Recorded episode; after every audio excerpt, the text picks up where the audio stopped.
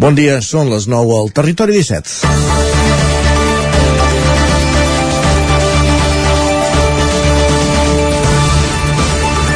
Els indicadors de la Covid-19 a Osona pugen lleugerament. Ho explicava divendres Ima Cervós, gerent de la regió sanitària de la Catalunya Central, en una entrevista al Nou TV que avui es pot llegir també a l'edició del 9-9 d'Osona i el Ripollès. Cervós creu que és d'hora encara per parlar d'una sisena onada i focalitza l'escola com a lloc on hi ha els brots més importants. Recordem que la vacuna s'administra actualment a majors de 12 anys. L'evolució dependrà de la interacció i caldrà veure si té afectació sobre la població catalana als brots que s'estan detectant en altres països. Cervós, però, s'afanya a recordar que la població està altament vacunada, 8 de cada 10 persones a Osona, i això redueix els efectes dels contagis. Mica mica anem coneixent els efectes del virus gràcies també a la feina ingent de científics com Julià Blanco o al col·lectiu dels sanitaris, finalista i reconeguts divendres a la gala del Premi Osonenc de l'any, que va ser la, per la coordinadora del voluntariat d'Osona. Dilluns 15 de novembre, benvinguts al Territori 17, a la sintonia de Ràdio Cardedeu, Ona Codinenca, La Veu de Sant Joan, Ràdio Vic, el 9 FM i el 9 TV. Territori 17, amb Isaac Moreno i Jordi Sunyer.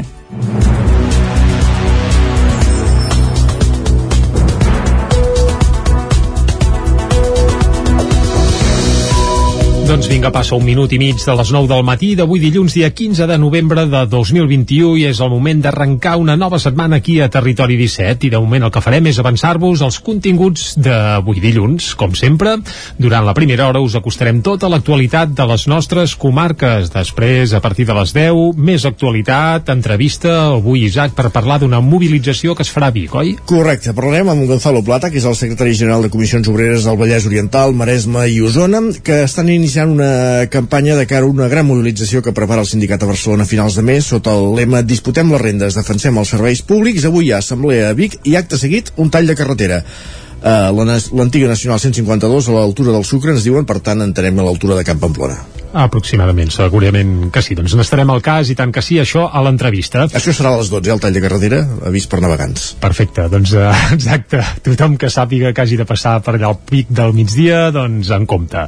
Uh, més coses que farem avui a Territori 17, quan siguem a l'equador del programa, com sempre tindrem piulades amb el Guillem Sánchez, anirem a la taula de redacció i repassarem com els ha anat esportivament al cap de setmana els equips del nostre territori. I a la darrera hora, avui els solidaris, Isaac, anirem a a Ràdio Vic, amb l'Eloi Puigferrer per parlar de Creu Roja Osona.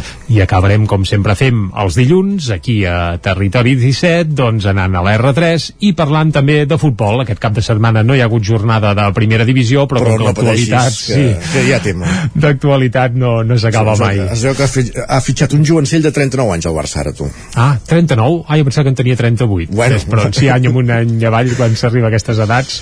Perfecte, doncs Dani Alves reforçarà el Barça a partir del gener, més a més, eh? Ah, es farà esperar. Es farà esperar.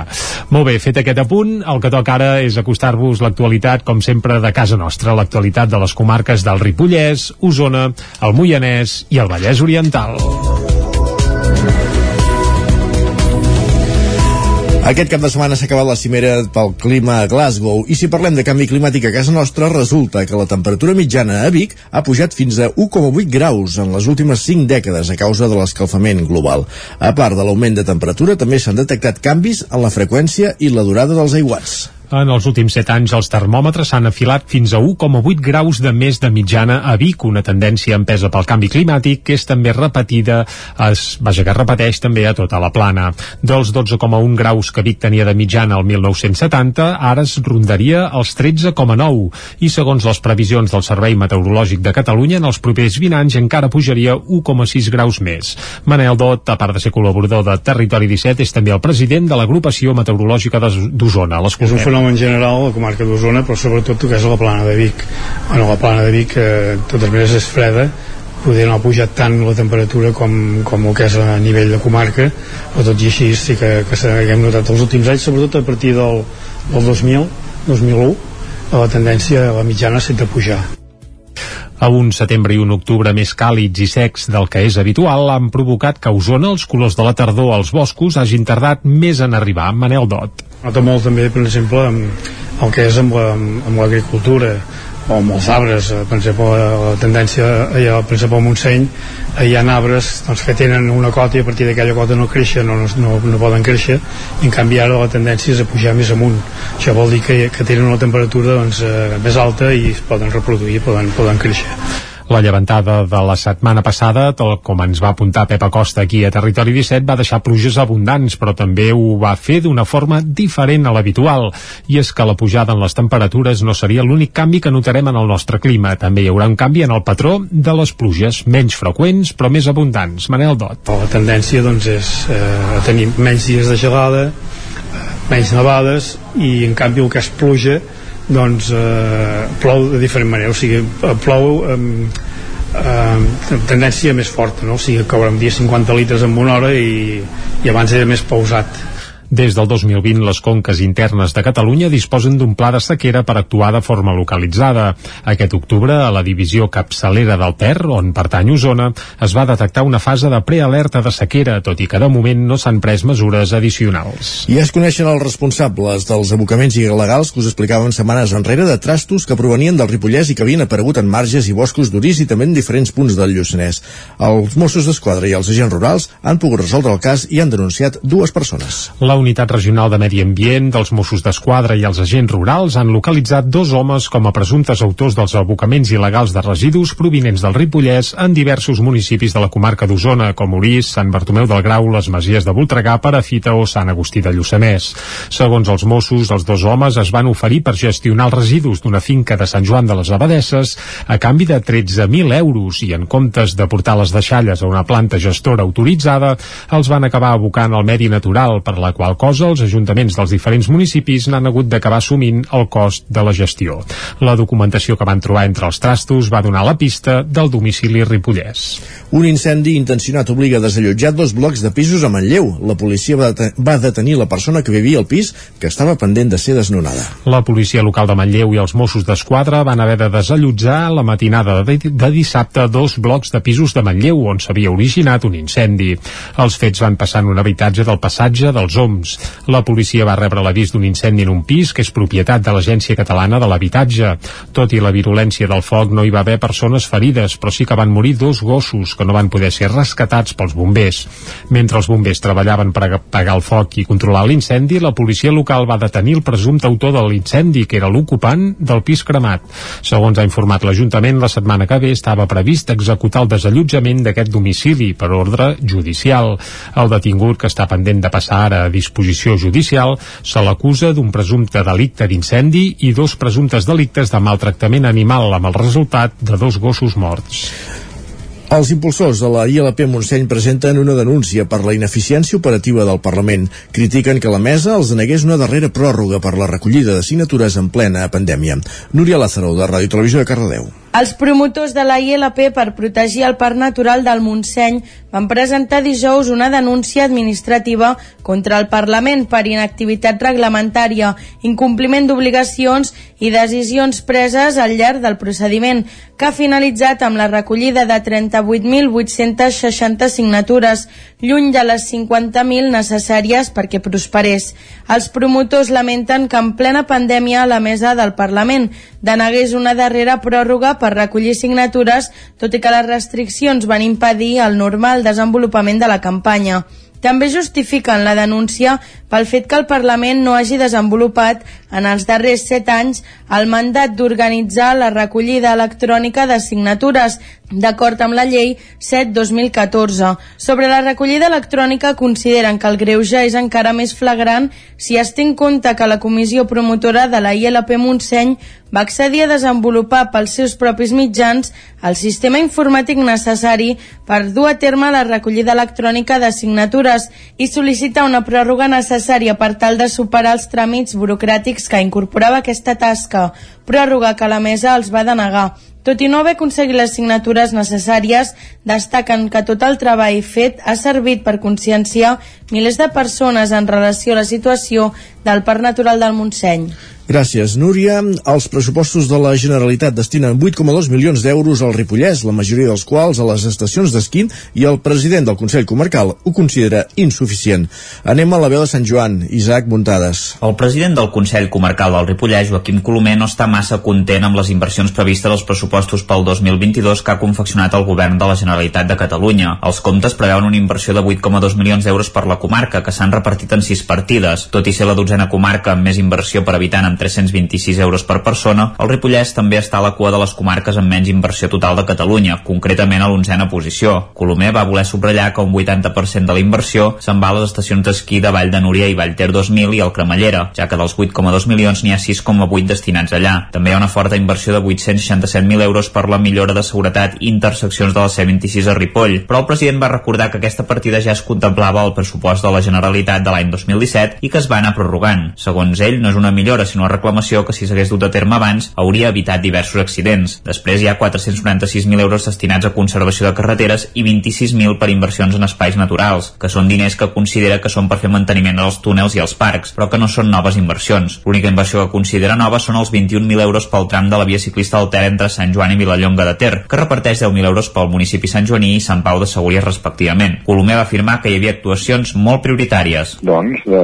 del pont del Carburo al terme municipal de Sant Pau de Segúries. Doncs un pont doncs, que hi ha hagut bastants accidents, un pont que no compleix normativa, un pont que, que queda obsolet eh, i que comunica eh, és la porta d'entrada a Vall de Camprodon. Eh, aquest pont, jo he sentit l'alcaldessa des de que la conec, doncs que s'està queixant de que, de que s'hauria de fer nou I, i aquí mateix doncs a l'entrada de Ripoll per què no solucionar doble carril portant-te'l fins on realment marca el pom que s'ha de portar per exemple i, i solucionant la problemàtica doncs dels trànsits aquests que tenim caps de setmana Colomer deia que el doble carril hauria d'arribar fins a la rotonda que hi ha ubicada just a l'entrada de la Solana. El president del Consell també va afegir que l'alcalde de les Llosses s'ha queixat del mal estat de diverses carreteres i camins que s'haurien d'arreglar i que els agradaria que es fes habitatge social al Ripollès, ja que la Generalitat té terrenys d'incasol i no hi fa res. Gràcies, Isaac. Tornem a Osona perquè creixen els botellots a GURB. El seu alcalde, a més, reconeix que el fenomen ha crescut des que s'han hagut de reobrir els locals d'oci nocturn que hi ha al poble.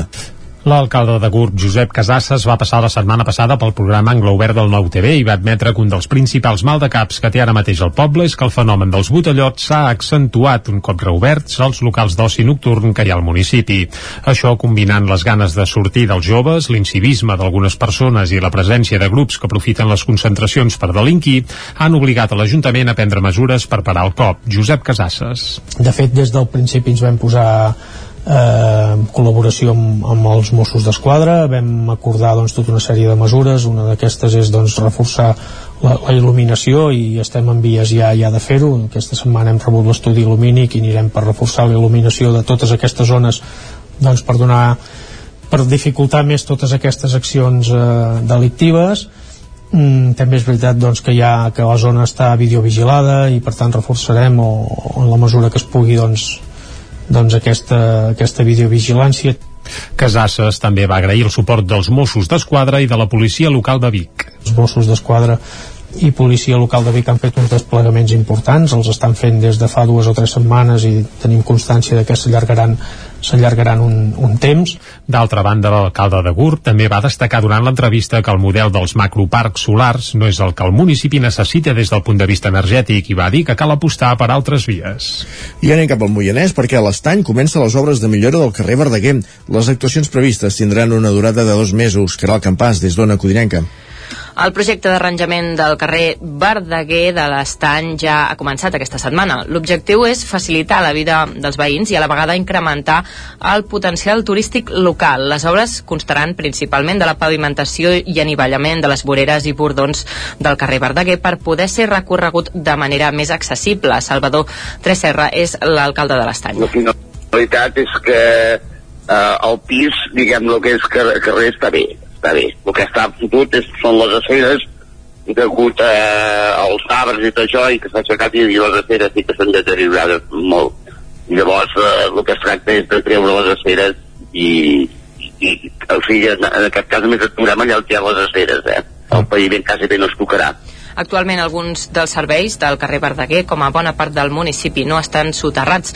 Les noves obres contemplaran el, un futur soterrament del cablejat elèctric i de fibra òptica. L'altra intenció és ja, doncs, ja que, que es fa això, doncs, obrir-ho i passar tots els serveis per si mai es vol colgar tant FEXA com, com l'aigua com, bueno, i com la, com la telecomunicacions, la fibra òptica i tot això ja serà tot a punt perquè es pugui, el dia que toqui, doncs es pugui ara soterrar sense aixecar el carrer i les aceres. Mentre durin els treballs del trànsit de la zona del carrer Verdaguer es veurà alterat, de manera que el tram corresponent entre el carrer Padró i el passatge de mossèn Aureli només tindrà un únic sentit de circulació. A més, els veïns d'aquesta part de la calçada veuran afectats els seus accessos tant de vehicles com de vianants. Gràcies, Caral. Acabem aquí aquest repàs informatiu que començàvem a les 9 del matí, que hem fet en companyia de Núria Lázaro des de Ràdio Cardedeu, Jordi Sunyer des del 9FM, Isaac Montades des de la veu de Sant Joan i, com sentíem, Caral Campàs des d'Ona zona codinenca. Tot seguit és moment de conèixer la previsió meteorològica.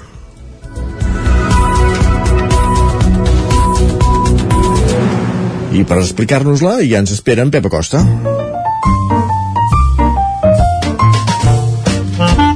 Casa Terradellos us ofereix el temps.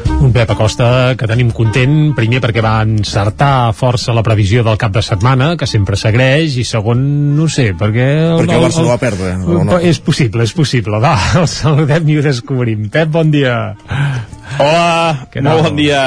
I bona hora. Eh, què tal esteu? Bé. Com ha anat el cap de setmana?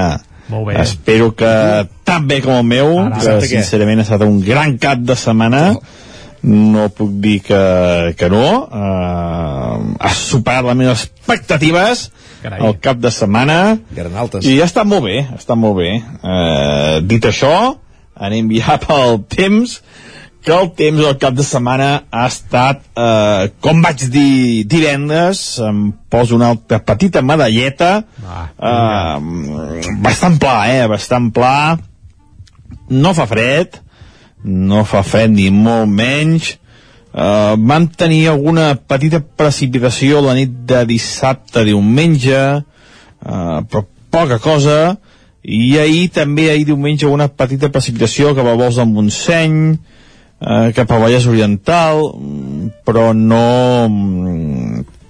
no van ser molt destacables ni, ni de bon tros Uh, tampoc, com deia, el fred, eh? no, no, no fa fred, ni, de, ni, ni molt menys. Uh, temperatures bastant uh, suaus de dia i de nit poques glaçades. Mm, no acaba, no acaba de fer una tardor jo freda ni, ni, ni, ni, ni molt menys uh, perdó per repetició pues que és així, eh? no, no, uh, és el que hem de dir hem de dir la veritat i no, no, no està fent fred no està plovent molt i aviam si tenim una mica de canvi de tendència, però avui no el tindrem. Avui eh, seguirà el mateix eh, panorama meteorològic, la mateixa situació, hi ha aquesta pertorbació eh, importantíssima a les Balears, el Blas, li han anomenat Blas, aquesta pertorbació, eh, que fa molts dies eh, que, que està en aquesta en aquesta situació, aquí al Mediterrani, eh, a, davant, a davant de la costa catalana, cap a les Balears, eh, però no, no, no ens ha atacat directament a nosaltres, no ens ha influenciat de manera molt directa, però és una perturbació molt important, ha deixat eh, molta pluja cap a les Balears, però no, no, ens ha, no ens ha no han entrat sufici suficientment a Catalunya per provocar pluges generals importants. Uh, llàstima perquè és una bona oportunitat per, perquè tot el país plogui bastant, uh, sense fer mal, eh? Ojalà no hagués fet mal, no crec que hagués fet mal, però llàstima que no, que no ens ha provocat més pluja. Aquesta perturbació uh, es torna a alimentar uh, més energia, més núvols, però se'n va cap a la península italiana i aquí no, no ens afectarà, no ens afectarà i no, no tindrem precipitacions.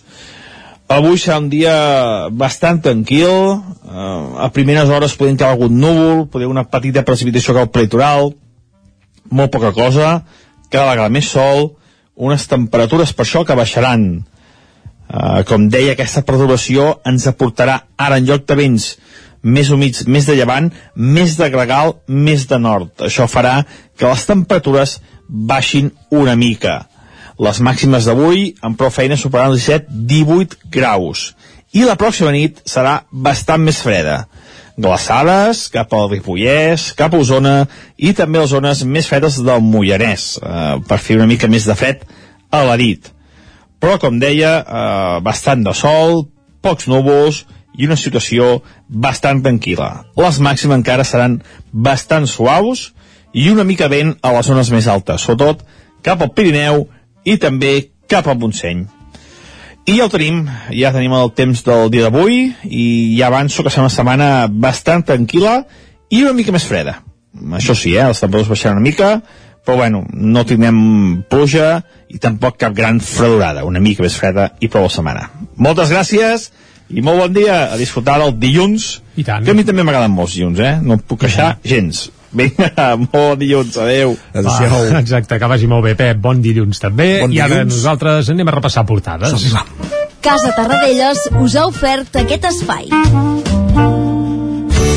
Territori 17. Envia'ns les teves notes de veu per WhatsApp al 646 079 023. 646 079 023. WhatsApp Territori 17.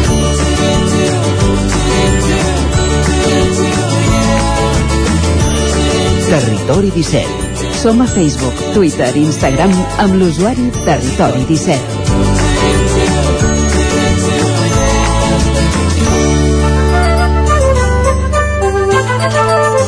Doncs com bé deia Jordi, moment de repassar portades i com a bon dilluns comencem per les del 9-9. Correcte, va, i comencem pel 9-9 del Vallès Oriental, que obre explicant que l'enginyeria QEB Baixa, que és una empresa de Montmeló, busca almenys 35.000 metres quadrats, li costarà, eh, al Vallès Oriental, per fabricar vehicles elèctrics. L'empresa de Montmeló eh, reformula el projecte amb el qual es volia o volia reindustrialitzar les naus de l'antiga Nissan i això ho fa ara buscant, doncs, això, un espai prou gran al Vallès Oriental per poder fabricar vehicles elèctrics. La fotografia espectacular, eh? Una espècie de bassa a Can Dunyó, a Lliçà, um, i el titular és per 600 quilos de peixos exòtics. Es veu que aquest cap de setmana van retirar espècies invasores de Can Dunyó i van trobar més de 600 quilos de peixos que evidentment no haurien de, de ser al Vallès i que per allà pasturaven, bé més que pasturar, en teoria nedar.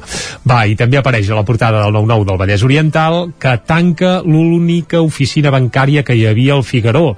Era una oficina del BBVA, doncs que a partir d'aquesta setmana ja no hi serà. Per tant, És un eh, és un degoteig. degoteig, eh? En parlàvem la setmana passada i això no passa només al Ripollès, no passa només a Osona, passa al Vallès i passa pràcticament tot arreu. Aquest degoteig constant d'oficines bancàries que van tancant sobretot els pobles i indrets doncs, doncs més petits. Anem al 9-9 d'Osona, que obre parlant del Premi Osonenc de l'any que es va lliurar en, un, en una gala que es va fer divendres passat al vespre a la sala La Canal de Tona i expliquem que la coordinadora del voluntariat d'Osona es van dur el premi. Julià Blanco i Núria Macià van ser els finalistes. La gala que amb una foto gegantina amb tots els premiats explica que va estar carregada d'emocions més titulars al 9-9 d'Osona i el Ripollès, doncs desallotjats per un incendi a Manlleu. Ens en fèiem ressò ara fa poc a l'informatiu i també Clara Ballart, Premi Miquel Martí i Pol.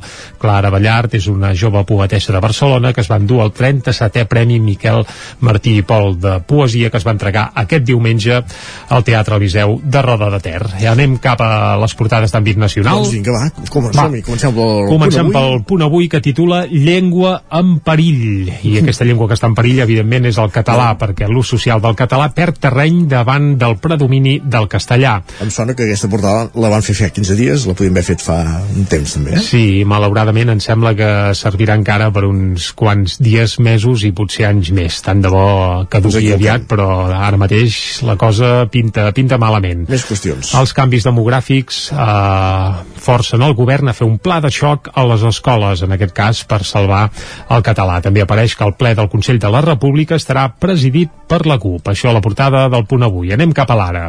El titular principal és per la meitat de les denúncies de delictes sexuals són de menors. En els últims 5 anys s'han portat a la policia 269 abusos i agressions múltiples a Catalunya. El total de casos que arriben als Mossos i als jutjats ha tornat als nivells rècord d'abans del Covid. Això expliquen a la, al titular de l'Ara. També Rossi, la déu d'una llegenda del motociclisme, i es va jubilar Valentino Rossi. Eh? Uh mhm. -huh. I uh, la fotografia per uh, La Palma, aquella famosa illa on el volcà continua fent estralls, i diuen perdre-ho tot sota la lava i no poder-ho demostrar. Una, una fotografia amb cases bé, enterrades no per la lava, sinó per la cendra. Això a la portada de l'Ara. Anem cap al periòdico. El govern ofereix finançar el doblatge al català. L'executiu planteja incentius de les plataformes de streaming per complir la quota de llengües oficials. I la fotografia és per Espanya, en aquest cas la selecció espanyola de futbol, que posa rum al Mundial. Això titulen al periòdico. Anem cap a l'avantguàrdia, on expliquen la fotografia és la mateixa, curiosament, que, que el periòdico, amb la selecció espanyola que diu Espanya es classifica per al Mundial de Qatar però el titular principal és per l'alça dels materials que apuja un 10% el cost de la construcció dels pisos. Un 10%, déu nhi eh? Aviat sí, és dit. Aviat és dit. Anem, si, si et sembla... Ja partim d'una base prou alta. Sí, exacte, exacte. Si, si fossin baixos, rai, però és que el preu que estan i encara amb l'excusa dels materials eh, l'habitatge es va enfilant.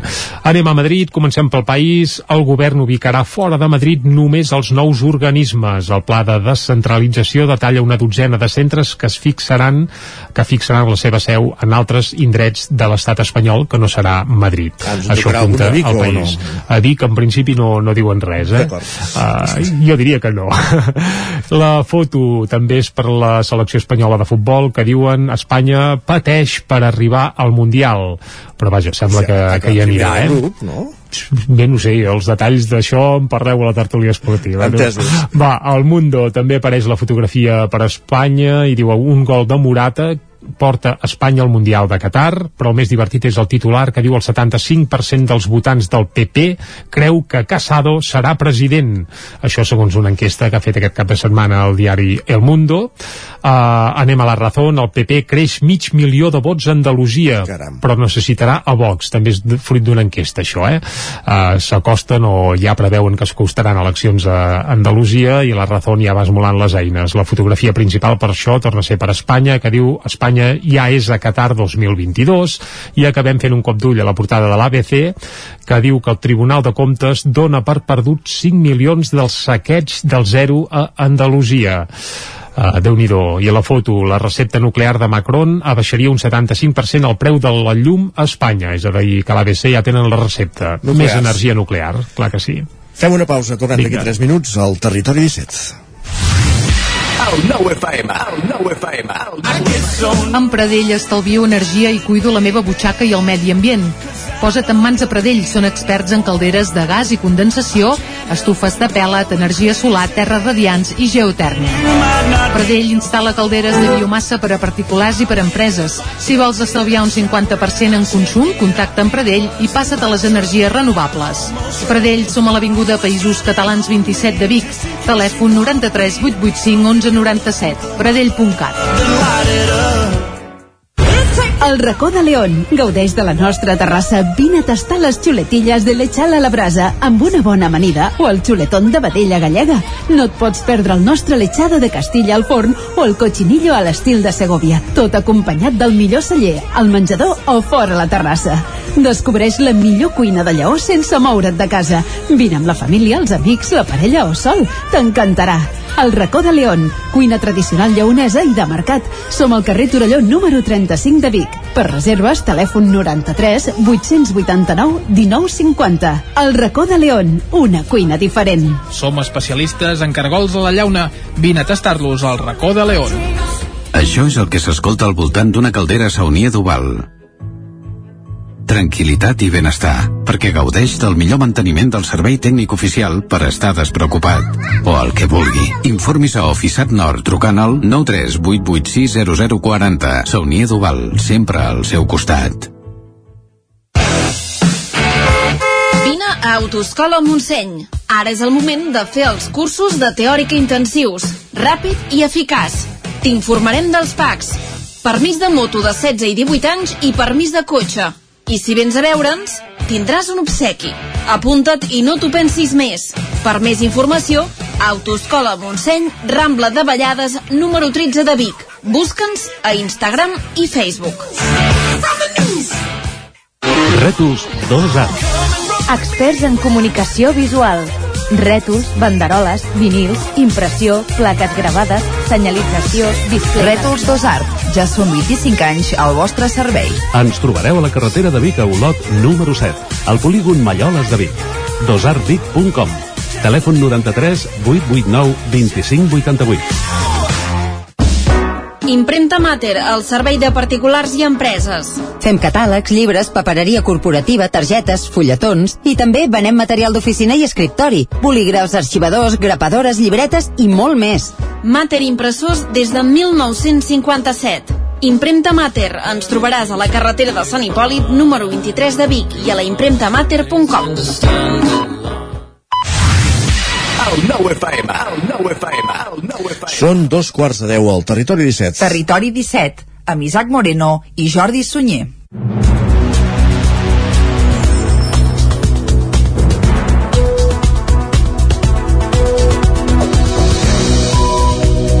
I a dos quarts de deu del matí d'avui dilluns, dia 15 de novembre de 2021, el que toca és acostar-vos de nou tota l'actualitat de casa nostra, però ja us, us avancem una mica per on aniran els trets del programa d'avui. Abans d'arribar a les 10 hi posarem música, avui estrenant una cançó que es diu Paraules d'Antes. Ah, ah. pensava que no fossin d'amor. No, d'Antes, d'Antes. Saps aquelles paraules que deien els nostres avis Sí, i que i s'estan perdent? Les d'antes. Doncs, doncs les d'Antes. Doncs en una cançó, eh, Arribar i ploure, que és una nova banda formada per algun ex-xarango, doncs l'estrenen avui mateix i nosaltres l'escoltarem aquí a Territori 17 perquè no ens passi com el que titula la portada del punt avui que la llengua està en perill. Doncs amb cançons com aquesta segurament encara Bé, la, encara la podrem salvar, va. Uh, més qüestions, també actualitzarem butlletí informatiu a les 10 i anirem a l'entrevista, Isaac, ja ens has avançat abans que parlar, per parlar d'una mobilització que es farà a Vic avui mateix, eh? Correcte. Parlarem, com dèiem, amb el secretari general de Comissions Obreres al Vallès Oriental Maresme i Osona, Gonzalo Plata, sobre aquesta nova campanya del sindicat que acabarà amb una gran mobilització a Barcelona a finals de mes, disputem les rendes, defensem els serveis públics i que tindrà una primera, un primer impacte avui a Vic, amb un tall de carretera a les 12 a l'antiga Nacional 152, a l'altura del Sucre, a l'altura de Can Pamplona. Més coses, tindrem piulades, taula redacció, repassarem com els ha anat esportivament el cap de setmana els equips del nostre territori i a l'última hora hi posarem més informació, els solidaris, avui per parlar de... Creu Roja Osona és l'entitat que ens descobreix avui l'Eloi Puigferrer des de Ràdio Vic. I acabarem fent tertúlia esportiva i anant a la R3. Som dilluns, no hi ha hagut cap de setmana de Lliga, però repassant les portades, sobretot les que es fan a Madrid, eh, sí que hi ha hagut futbol aquest cap de setmana, es veu, Sí, eh? hi ha hagut partits de classificació pel Mundial del Qatar, que allà quedaran fosos, mai millor dit. Doncs bé, serà el 2022, queda una mica per aquest Mundial, i com que nosaltres no ens hi deixen jugar, doncs ja a la tertúlia potser anem per altres, per altres temes, Mal, però vaja. malament si haguéssim de jugar nosaltres, eh? Sí, bé, nosaltres no vull dir tu i jo, eh? ja ens entenem. Fet aquest apunt, anem ara sí a repassar de nou l'actualitat de casa nostra, l'actualitat de les comarques del Ripollès, Osona, el Moianès i el Vallès Oriental. Aquest cap de setmana s'ha acabat la cimera pel clima a Glasgow i si parlem de canvi climàtic a casa nostra, resulta que la temperatura mitjana a Vic ha pujat fins a 1,8 graus en les últimes 5 dècades a causa de l'escalfament global. A part de l'augment de temperatura, també s'han detectat canvis en la freqüència i la durada dels aiguats. En els últims 7 anys els termòmetres s'han afilat fins a 1,8 graus de més de mitjana a Vic, una tendència empesa pel canvi climàtic que és també repetida, es, vaja, que es repeteix també a tota la plana. Dels 12,1 graus que Vic tenia de mitjana el 1970, ara es rondaria els 13,9 i segons les previsions del Servei Meteorològic de Catalunya, en els propers 20 anys encara pujaria 1,6 graus més. Manel Dot, a part de ser col·laborador de Territori 17, és també el president de l'agrupació meteorològica d'Os- d'Osona. L'escoltem. Fenomen general a la comarca d'Osona, però sobretot que és la plana de Vic. Bueno, la plana de Vic, eh, de totes maneres, és freda, poder no ha pujat tant la temperatura com, com el que és a nivell de comarca, però tot i així sí que, que s'ha- que hem notat els últims anys, sobretot a partir del, del 2000, 2001, la tendència, la mitjana, ha estat de pujar. A un setembre i un octubre més càlids i secs del que és habitual han provocat que a Osona els colors de la tardor als boscos hagin tardat més en arribar. Manel Dot. Nota molt també, per exemple, amb el que és amb la- l'agricultura o amb els arbres, eh, per exemple, la, tendència, allà, per exemple, al Montseny, eh, hi ha arbres doncs, que tenen una cota i a partir d'aquella cota no creixen, no, no, no, no poden créixer, i en canvi ara la tendència és a pujar més amunt. Això vol dir que, que tenen una temperatura doncs, eh, més alta i es poden reproduir, poden, poden créixer. La llevantada de la setmana passada, tal com ens va apuntar Pep Acosta aquí a Territori 17, va deixar pluges abundants, però també ho va fer d'una forma diferent a l'habitual.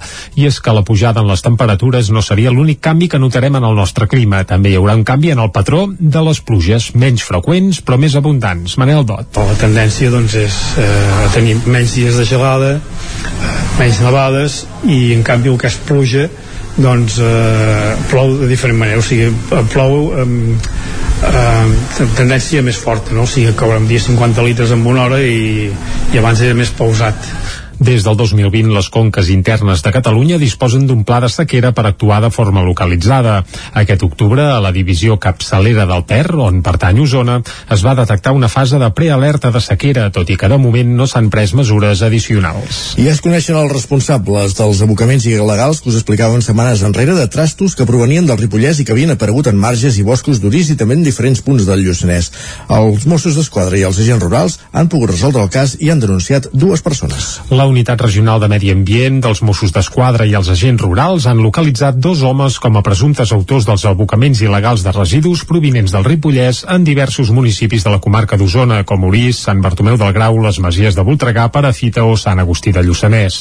Segons els Mossos, els dos homes es van oferir per gestionar els residus d'una finca de Sant Joan de les Abadesses a canvi de 13.000 euros i en comptes de portar les deixalles a una planta gestora autoritzada, els van acabar abocant al medi natural per la qual qual cosa els ajuntaments dels diferents municipis n'han hagut d'acabar assumint el cost de la gestió. La documentació que van trobar entre els trastos va donar la pista del domicili ripollès. Un incendi intencionat obliga a desallotjar dos blocs de pisos a Manlleu. La policia va, det va detenir la persona que vivia al pis que estava pendent de ser desnonada. La policia local de Manlleu i els Mossos d'Esquadra van haver de desallotjar la matinada de, de dissabte dos blocs de pisos de Manlleu on s'havia originat un incendi. Els fets van passar en un habitatge del passatge dels Oms Oms. La policia va rebre l'avís d'un incendi en un pis que és propietat de l'Agència Catalana de l'Habitatge. Tot i la virulència del foc no hi va haver persones ferides, però sí que van morir dos gossos que no van poder ser rescatats pels bombers. Mentre els bombers treballaven per apagar el foc i controlar l'incendi, la policia local va detenir el presumpte autor de l'incendi, que era l'ocupant del pis cremat. Segons ha informat l'Ajuntament, la setmana que ve estava previst executar el desallotjament d'aquest domicili per ordre judicial. El detingut, que està pendent de passar ara a disposició judicial, se l'acusa d'un presumpte delicte d'incendi i dos presumptes delictes de maltractament animal amb el resultat de dos gossos morts. Els impulsors de la ILP Montseny presenten una denúncia per la ineficiència operativa del Parlament. Critiquen que la mesa els negués una darrera pròrroga per la recollida de signatures en plena pandèmia. Núria Lázaro, de Ràdio Televisió de Cardedeu. Els promotors de la ILP per protegir el parc natural del Montseny van presentar dijous una denúncia administrativa contra el Parlament per inactivitat reglamentària, incompliment d'obligacions i decisions preses al llarg del procediment, que ha finalitzat amb la recollida de 38.860 signatures, lluny de les 50.000 necessàries perquè prosperés. Els promotors lamenten que en plena pandèmia la mesa del Parlament denegués una darrera pròrroga per recollir signatures, tot i que les restriccions van impedir el normal desenvolupament de la campanya. També justifiquen la denúncia pel fet que el Parlament no hagi desenvolupat en els darrers set anys el mandat d'organitzar la recollida electrònica de signatures, d'acord amb la llei 7-2014. Sobre la recollida electrònica consideren que el greuge és encara més flagrant si es té en compte que la comissió promotora de la ILP Montseny va accedir a desenvolupar pels seus propis mitjans el sistema informàtic necessari per dur a terme la recollida electrònica de signatures i sol·licitar una pròrroga necessària per tal de superar els tràmits burocràtics que incorporava aquesta tasca, pròrroga que la mesa els va denegar. Tot i no haver aconseguit les signatures necessàries, destaquen que tot el treball fet ha servit per conscienciar milers de persones en relació a la situació del Parc Natural del Montseny.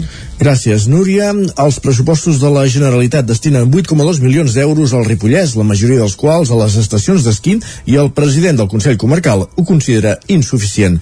Anem a la veu de Sant Joan, Isaac Muntades. El president del Consell Comarcal del Ripollès, Joaquim Colomer, no està massa content amb les inversions previstes als pressupostos pel 2022 que ha confeccionat el govern de la Generalitat de Catalunya. Els comptes preveuen una inversió de 8,2 milions d'euros per la la comarca, que s'han repartit en sis partides. Tot i ser la dotzena comarca amb més inversió per habitant amb 326 euros per persona, el Ripollès també està a la cua de les comarques amb menys inversió total de Catalunya, concretament a l'onzena posició. Colomer va voler subratllar que un 80% de la inversió se'n va a les estacions d'esquí de Vall de Núria i Vallter 2000 i el Cremallera, ja que dels 8,2 milions n'hi ha 6,8 destinats allà. També hi ha una forta inversió de 867.000 euros per la millora de seguretat i interseccions de la C26 a Ripoll, però el president va recordar que aquesta partida ja es contemplava al pressupost de la Generalitat de l'any 2017 i que es va anar prorrogant. Segons ell, no és una millora, sinó una reclamació que si s'hagués dut a terme abans hauria evitat diversos accidents. Després hi ha 496.000 euros destinats a conservació de carreteres i 26.000 per inversions en espais naturals, que són diners que considera que són per fer manteniment als túnels i als parcs, però que no són noves inversions. L'única inversió que considera nova són els 21.000 euros pel tram de la via ciclista del Ter entre Sant Joan i Vilallonga de Ter, que reparteix 10.000 euros pel municipi Sant Joaní i Sant Pau de Segúries respectivament. Colomer va afirmar que hi havia actuacions molt prioritàries. Doncs de, del pont del Carburo al terme municipal de Sant Pau de Segúries. Doncs un pont doncs, que hi ha hagut bastants accidents, un pont que no compleix normativa, un pont que, que queda obsolet eh, i que comunica eh, és a la porta d'entrada a Vall de Camprodon. Eh, aquest pont, jo he sentit l'alcaldessa des de que la conec, doncs que s'està queixant de que, de que s'hauria de fer nou. I, I aquí mateix, doncs, a l'entrada de Ripoll, per què no solucionar doble carril portant-te'l fins on realment marca el pom que s'ha de portar, per exemple, i, i solucionant la problemàtica, doncs, dels trànsits aquests que tenim caps de setmana. Colomer deia que el doble carril hauria d'arribar fins a la rotonda que hi ha ubicada just a l'entrada de la Solana. El president del Consell també va afegir que l'alcalde de les Llosses s'ha queixat del mal estat de diverses carreteres i camins que s'haurien d'arreglar i que els agradaria que es fes habitatge social al Ripollès, ja que la Generalitat té terrenys d'incasol i no hi fa res. Gràcies, Isaac. Tornem a Osona perquè creixen els botellots a GURB. El seu alcalde, a més, reconeix que el fenomen ha crescut des que s'han hagut de reobrir els locals d'oci nocturn que hi ha al poble. L'alcalde de Gurb, Josep Casasses, va passar la setmana passada pel programa Anglo Obert del Nou TV i va admetre que un dels principals maldecaps que té ara mateix el poble és que el fenomen dels botellots s'ha accentuat un cop reoberts els locals d'oci nocturn que hi ha al municipi. Això combinant les ganes de sortir dels joves, l'incivisme d'algunes persones i la presència de grups que aprofiten les concentracions per delinquir, han obligat a l'Ajuntament a prendre mesures per parar el cop. Josep Casasses. De fet, des del principi ens vam posar eh, col·laboració amb, amb els Mossos d'Esquadra vam acordar doncs, tota una sèrie de mesures. Una d'aquestes és doncs, reforçar la, la il·luminació i estem en vies ja, ja de fer-ho. Aquesta setmana hem rebut l'estudi il·lumínic i anirem per reforçar la il·luminació de totes aquestes zones doncs, per donar per dificultar més totes aquestes accions eh, delictives. Mm, també és veritat doncs, que, ha, que la zona està videovigilada i per tant reforçarem o, o en la mesura que es pugui doncs, doncs aquesta, aquesta videovigilància. Casasses també va agrair el suport dels Mossos d'Esquadra i de la policia local de Vic. Els Mossos d'Esquadra i policia local de Vic han fet uns desplegaments importants, els estan fent des de fa dues o tres setmanes i tenim constància de que s'allargaran s'allargaran un, un temps. D'altra banda, l'alcalde de Gurt també va destacar durant l'entrevista que el model dels macroparcs solars no és el que el municipi necessita des del punt de vista energètic i va dir que cal apostar per altres vies. I anem cap al Moianès perquè a l'estany comença les obres de millora del carrer Verdaguer. Les actuacions previstes tindran una durada de dos mesos, que era el campàs des d'Ona Codinenca. El projecte d'arranjament del carrer Verdaguer de l'Estany ja ha començat aquesta setmana. L'objectiu és facilitar la vida dels veïns i a la vegada incrementar el potencial turístic local. Les obres constaran principalment de la pavimentació i anivellament de les voreres i bordons del carrer Verdaguer per poder ser recorregut de manera més accessible. Salvador Treserra és l'alcalde de l'Estany. La finalitat és que eh, el pis, diguem, el que és carrer està bé està bé. El que està fotut és, són les aceres degut eh, als arbres i tot això i que s'ha aixecat i, les aceres i que s'han deteriorades molt. Llavors eh, el que es tracta és de treure les aceres i, i, i o sigui, en, en aquest cas només aturem allà on hi ha les aceres, eh? El paviment quasi bé no es tocarà Actualment alguns dels serveis del carrer Verdaguer, com a bona part del municipi, no estan soterrats. Les noves obres contemplaran el, un futur soterrament del cablejat elèctric i de fibra òptica. L'altra intenció és ja, doncs, ja que, que es fa això, doncs, obrir-ho i passar tots els serveis per si mai es vol colgar tant flexa com, com l'aigua com, bueno, i com la, com la telecomunicacions, la fibra òptica i tot això ja serà tot a punt perquè es pugui, el dia que toqui, doncs es pugui soterrat sense aixecar el carrer de les Heres. Mentre durin els treballs del trànsit de la zona del carrer Verdaguer es veurà alterat, de manera que el tram corresponent entre el carrer Padró i el passatge de mossèn Aureli només tindrà un únic sentit de circulació. A més, els veïns d'aquesta part de la calçada veuran afectats els seus accessos tant de vehicles com de vianants. Gràcies, Caral. Acabem aquí aquest repàs informatiu que començàvem a les 9 del matí que hem fet en companyia de Núria Lázaro des de Ràdio Cardedeu, Jordi Sunyer des del 9FM, Isaac Montades des de la veu de Sant Joan i, com sentíem, Caral Campàs des d'Ona Codinenca. Tot seguit és moment de conèixer la previsió meteorològica.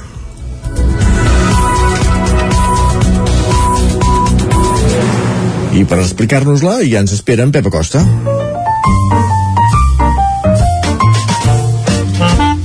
Casa Terradellos us ofereix el temps. Pep Acosta que tenim content, primer perquè va encertar força la previsió del cap de setmana, que sempre s'agreix, i segon, no sé, perquè... El, Perquè el Barça va perdre, no? És possible, és possible. Va, el saludem i ho descobrim. Pep, bon dia. Hola, Què molt tal? bon dia. I bona hora. Eh, Què tal esteu? Bé. Com ha anat el cap de setmana? Molt bé. Espero que tan bé com el meu, Ara, que sincerament ha estat un gran cap de setmana. No puc dir que, que no. Uh, ha superat les meves expectatives Carai. el cap de setmana. I eren altes. I ha estat molt bé, ha estat molt bé. Uh, dit això, anem ja pel temps, que el temps del cap de setmana ha estat, eh, com vaig dir divendres, em poso una altra petita medalleta, eh, bastant pla, eh, bastant pla, no fa fred, no fa fred ni molt menys, Uh, vam tenir alguna petita precipitació la nit de dissabte a diumenge uh, però poca cosa. I ahir també, ahir diumenge una petita precipitació cap a vols del Montseny eh, cap al Vallès Oriental però no no van ser molt destacables ni, ni de bon tros uh, tampoc com deia el fred eh? no, no, no fa fred ni, de, ni, ni molt menys uh, temperatures bastant uh, suaus de dia i de nit poques glaçades mm, no acaba, no acaba de fer una tardor allò freda ni, ni, ni, ni, ni molt menys eh, perdó per repetició pues que és així, eh? no, no, eh, és el que hem de dir hem de dir la veritat i no, no, no està fent fred no està plovent molt i aviam si tenim una mica de canvi de tendència. Però avui no ho tindrem. Avui eh, seguirà el mateix eh, panorama meteorològic, la mateixa situació. Hi ha aquesta pertorbació eh, importantíssima a les Balears, el Blas, li han anomenat Blas, aquesta pertorbació, eh, que fa molts dies eh, que, que està en aquesta, en aquesta situació, aquí al Mediterrani, eh, a, davant, a davant de la costa catalana, cap a les Balears, Uh, però no, no, no ens ha atacat directament a nosaltres no ens ha influenciat de manera molt directa però és una perturbació molt important. Ha deixat uh, molta pluja cap als Balears però no, no ens ha, no ens ha no ha entrat sufic suficientment a Catalunya per provocar pluges generals importants uh, llàstima perquè és una bona oportunitat per, perquè tot el país plogui bastant uh, sense fer mal, eh? ojalà no hagués fet mal no crec que hagués fet mal però llàstima que no, que no ens ha provocat més pluja aquesta perturbació eh, es torna a alimentar eh, més energia, més núvols però se'n va cap a la península italiana i aquí no, no ens afectarà no ens afectarà i no, no tindrem precipitacions Avui serà un dia bastant tranquil, eh, a primeres hores podem caure algun núvol, podem una petita precipitació cap al molt poca cosa, cada vegada més sol, unes temperatures per això que baixaran.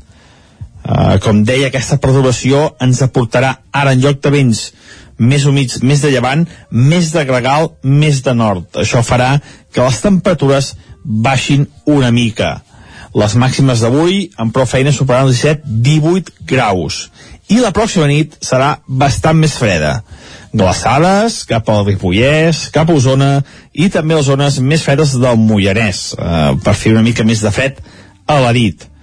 Però com deia eh, bastant de sol pocs núvols i una situació bastant tranquil·la. Les màximes encara seran bastant suaus i una mica vent a les zones més altes sobretot cap al Pirineu i també cap a Montseny. I ja ho tenim, ja tenim el temps del dia d'avui i ja avanço que serà una setmana bastant tranquil·la i una mica més freda. Això sí, eh, els temperatures baixaran una mica, però bueno, no tindrem pluja i tampoc cap gran fredurada, una mica més freda i prou la setmana. Moltes gràcies i molt bon dia a disfrutar del dilluns, I tant. que a mi també m'agraden molts dilluns, eh? No em puc queixar gens. Vinga, molt bon dilluns, adeu. Va, exacte, que vagi molt bé, Pep. Bon dilluns també. Bon I ara dilluns. nosaltres anem a repassar portades. Casa Tarradellas us ha ofert aquest espai. Territori 17. Envia'ns les teves notes de veu per WhatsApp al 646 079 023. 646 079 023. WhatsApp Territori 17.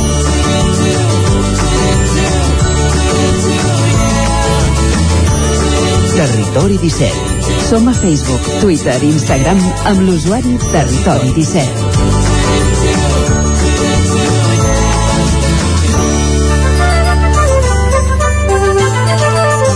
Doncs com bé deia Jordi, moment de repassar portades i com a bon dilluns comencem per les del 9-9. Correcte, va, i comencem pel 9-9 del Vallès Oriental, que obre explicant que l'enginyeria QEB Baixa, que és una empresa de Montmeló, busca almenys 35.000 metres quadrats, li costarà, eh, al Vallès Oriental, per fabricar vehicles elèctrics. L'empresa de Montmeló eh, reformula el projecte amb el qual es volia o volia reindustrialitzar les naus de l'antiga Nissan i això ho fa ara buscant, doncs, això, un espai prou gran al Vallès Oriental per poder fabricar vehicles elèctrics. La fotografia espectacular, eh? Una espècie de bassa a Can Dunyó, a Lliçà, um, i el titular és per 600 quilos de peixos exòtics. Es veu que aquest cap de setmana van retirar espècies invasores de Can Dunyó i van trobar més de 600 quilos de peixos que evidentment no haurien de, de ser al Vallès i que per allà pasturaven, bé més que pasturar, en teoria nedar. Va, i també apareix a la portada del 9-9 del Vallès Oriental que tanca l'única oficina bancària que hi havia al Figaró. Era una oficina del BBVA, doncs que a partir d'aquesta setmana ja no hi serà. Per tant, És un eh, és un degoteig. degoteig, eh? En parlàvem la setmana passada i això no passa només al Ripollès, no passa només a Osona, passa al Vallès i passa pràcticament tot arreu. Aquest degoteig constant d'oficines bancàries que van tancant sobretot els pobles i indrets doncs, doncs més petits. Anem al 9-9 d'Osona, que obre parlant del Premi Osonenc de l'any que es va lliurar en, un, en una gala que es va fer divendres passat al vespre a la sala La Canal de Tona i expliquem que la coordinadora del voluntariat d'Osona es van dur el premi. Julià Blanco i Núria Macià van ser els finalistes. La gala que amb una foto gegantina amb tots els premiats s'explica que va estar carregada d'emocions més titulars al 9-9 d'Osona i el Ripollès doncs desallotjats per un incendi a Manlleu ens en fèiem ressò ara fa poc a l'informatiu i també Clara Ballart Premi Miquel Martí i Pol Clara Ballart és una jove poetessa de Barcelona que es va endur el 37è Premi Miquel Martí i Pol de poesia que es va entregar aquest diumenge al Teatre Eliseu de Roda de Ter i anem cap a les portades d'àmbit nacional Doncs vinga, va, comencem, comencem pel Comencem punt avui. pel punt avui que titula Llengua en perill i aquesta llengua que està en perill evidentment és el català perquè l'ús social del català perd terreny davant del predomini del castellà Em sona que aquesta portada la van fer fa 15 dies, la podíem haver fet fa un temps també, eh? Sí, malauradament em sembla que servirà encara per uns quants dies, mesos i potser anys més. Tant de bo caduqui aviat, però ara mateix la cosa pinta, pinta malament. Més qüestions. Els canvis demogràfics eh, forcen el govern a fer un pla de xoc a les escoles, en aquest cas per salvar el català. També apareix que el ple del Consell de la República estarà presidit per la CUP. Això a la portada del punt avui. Anem cap a l'ara. El titular principal és per la meitat de les denúncies de delictes sexuals són de menors. En els últims 5 anys s'han portat a la policia 269 abusos i agressions múltiples a Catalunya. El total de casos que arriben als Mossos i als jutjats ha tornat als nivells rècord d'abans del Covid. Això expliquen a la, al titular de l'Ara. També Rossi, la déu d'una llegenda del motociclisme, i es va jubilar Valentino Rossi. Eh? Uh -huh. I uh, la fotografia per uh, La Palma, aquella famosa illa on el volcà continua fent estralls i diuen perdre-ho tot sota la lava i no poder-ho demostrar una, una fotografia amb cases bé, enterrades no per la lava sinó per la cendra això a la portada de l'Ara. Anem cap al periòdico el govern ofereix finançar el doblatge al català. L'executiu planteja incentius de les plataformes de streaming per complir la quota de llengües oficials i la fotografia és per Espanya, en aquest cas la selecció espanyola de futbol que posa rum al Mundial. Això titulen el periòdico. Anem cap a l'avantguàrdia on expliquen la fotografia és la mateixa curiosament que, que el periòdico amb la selecció espanyola que diu Espanya es classifica per al Mundial de Qatar però el titular principal és per l'alça dels materials que apuja un 10% el cost de la construcció dels pisos. Un 10% déu nhi eh? Aviat Sí, és dit. Aviat és dit. Anem, si et sembla... Ja partim d'una base prou alta. Sí, exacte, exacte. Si, si fossin baixos, rai, però és que el preu que estan i encara amb l'excusa dels materials eh, l'habitatge es va enfilant. Anem a Madrid, comencem pel país. El govern ubicarà fora de Madrid només els nous organismes. El pla de descentralització detalla una dotzena de centres que es fixaran que fixaran la seva seu en altres indrets de l'estat espanyol que no serà Madrid. Ah, algun apunta a Vic el o país. no? A Vic, en principi, no, no diuen res, eh? Uh, jo diria que no. la foto també és per la selecció espanyola de futbol que diuen Espanya pateix per arribar al Mundial. Però vaja, sembla que, que hi anirà, eh? Grup, no? Bé, no sé, els detalls d'això en parleu a la tertúlia esportiva. No? Va, al Mundo també apareix la fotografia per Espanya i diu un gol de Morata porta Espanya al Mundial de Qatar, però el més divertit és el titular que diu el 75% dels votants del PP creu que Casado serà president. Això segons una enquesta que ha fet aquest cap de setmana al diari El Mundo. Uh, anem a la raó, el PP creix mig milió de vots a Andalusia, Caram. però necessitarà a Vox. També és fruit d'una enquesta, això, eh? Uh, S'acosten o ja preveuen que es costaran eleccions a Andalusia i la raó ja va esmolant les eines. La fotografia principal per això torna a ser per Espanya, que diu Espanya ja és a Qatar 2022 i acabem fent un cop d'ull a la portada de l'ABC que diu que el Tribunal de Comptes dona per perdut 5 milions dels saqueig del zero a Andalusia. Uh, déu nhi I a la foto, la recepta nuclear de Macron abaixaria un 75% el preu de la llum a Espanya. És a dir, que l'ABC ja tenen la recepta. Més energia nuclear, clar que sí. Mira que és fàcil, eh? Clar, clar, clar, anar, Sí. anar fent cimeres de Anar posant plaques solars i- i, plaques i Home, històries no, i ni molins de nuclears. vents ni plaques solars. Clar que sí, només faltaria. Uh, va, Li explicarem uh, a en Gil Salvans que ens hi acabi de, de posar llum a tot plegat. va, haurà de ser el mes de desembre, eh? ens Exacte, tornarà a sí, visitar de nou. Doncs li haurem de dir, aviam si l'energia nuclear encara pot ser o no una solució per treure- treure'ns a tots plegats de l'atzucac energètic. Posem-hi música. Música, mentrestant. Va, posem-hi música perquè avui eh, estrenarem una cançó, com fem sovint aquí Sí, a. Territori 17, i, i hem avisat abans que estrenem una cançó que es titula Paraules d'Antes. Pareu molt bé l'orella perquè la veritat és que hi ha molts mots que, bé, que el, encara els fem servir, alguns d'ells, perquè ens hem d'enganyar, sobretot a Osona i al Ripollès, i, ostres, eh, et ve aquella nostàlgia i tot, tot plegat, eh? El que passa que, com que està tan ben embolicada i amb música així ballable i tot, doncs, bé, baixa, baixa bé. La cançó és d'un grup que es diu Arribar i ploure, i aquest grup dius, ostres, qui s'amaga aquí al darrere? Doncs bé, hi ha bàsicament dos músics, però un d'ells és l'Àlex Pujols, eh, baixista de Charango, bé, ara hem de dir ex-baixista de Charango, perquè el Charango ja han plegat veles, però clar, que han fet molts d'ells és deixar la música i per exemple l'Àlex Pujols ja té en marxa aquest projecte que per cert abans d'acabar l'any estrenarà un espectacle així musical teatral per uh, recórrer tot tipus d'auditoris i teatrets i el que faci falta i evidentment aquesta cançó no hi fallarà mai Qui l'acompanya i bé, saps que ara de memòria no recordo Ah. qui és qui l'acompanya D'acord. però sé que són un duet i això sí, porten uns quants músics que els acompanyaran i entre ells músics de xarango, a més a més, eh? i el seu tècnic de so també és de bé. i a més de la Vall del Gès i a més eh, saxofonista, per tant aquest sí que potser ja saps que és l'Ivan López però Molt ja, bé. ja t'ho dic jo. Perfecte. anem ara al Paraules d'Antes amb Arribar i Ploure que fa molt riure, vinga. No per mi això és veneno Des de luego poder va i que equivocat Deu tenir truco aquest assumpte. El parlar dels jovens és per anar al juzgat art no permeti aquest orçany. Paraules tantes, paraules tantes, paraules tantes, paraules tantes. Ara que som a la tornada del Paraules Dantes, deixem apuntar que qui acompanya Alex Pujols en aquest projecte és l'actor Ricard Ferrer, que també fa de cantant. Dit això, tornem-hi, escoltem-nos. Faig teatre mentre el jovent geu al quarto menys mal que vaig al tanto com ningú. El bon exemple el temps enfrenta de recado tenim un de verd comú. Vigilar la llengua i l'inglès fuck you Arcalda, família, llumillo mar i benzina, busson Lleca, juliol, portalillo vacacions i deia que curtes Virgínia Iglesia llavors aviam gènere un cotxe de línia. Cintisland gimnàsia, senzilla, axiomada telèfon, graig, comunió fenya, terreno, gravada.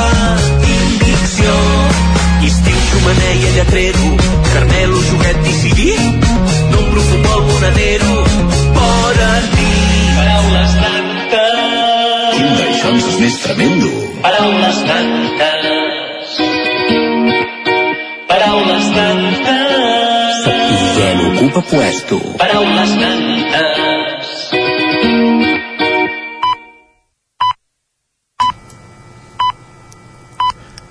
Les notícies més destacades a les nostres comarques, les no notícies del territori 17, des de les redaccions de la veu de Sant Joan, Ona Codinenca, Ràdio Cardedeu, Ràdio Vic, el 9 FM i el 9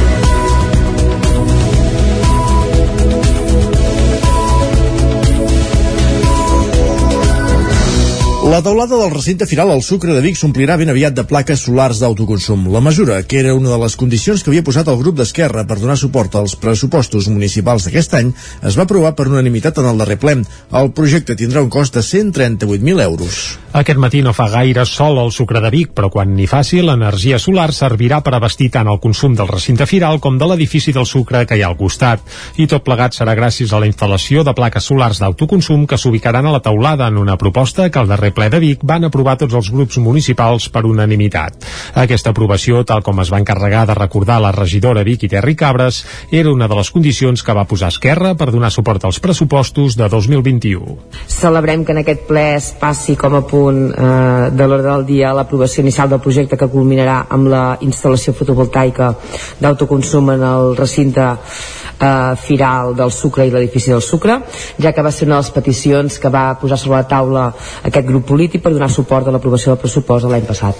El PSC i Capgirem Vic també van votar a favor de la proposta, però els copaires van demanar més ambició a l'hora d'apostar per la transició energètica. Escoltem a Marc Camacho, de Capgirem Vic. És un vot afirmatiu crític, ja que en part sí que celebrem que a nivell municipal es vagi avançant cap a la producció d'energies renovables en equipaments, però seguirem immersos dins un sistema de producció energètica on segueixen tenint molt de pes les grans companyies elèctriques, que últimament no han fet més que empobrir la vida quotidiana de les classes populars. Des de l'equip des de l'equip de govern van remarcar que el mateix Ajuntament, la Diputació i el Consell Comarcal d'Osona, que és el propietari de l'edifici del Sucre, estan treballant per constituir una comunitat energètica d'autoconsum elèctric. A més, van afirmar que segueixen els preceptes del projecte de transició energètica conjuntament amb el Consell Comarcal. Albert Castells és el regidor de Medi Ambient de l'Ajuntament de Vic. Treballem conjuntament amb el Consell Comarcal, amb l'àrea de, de Medi Ambient, també per anar desplegant el projecte de transició energètica a Osona, que aquest Ajuntament també s'hi ha adherit, on es contemplen molts dels projectes que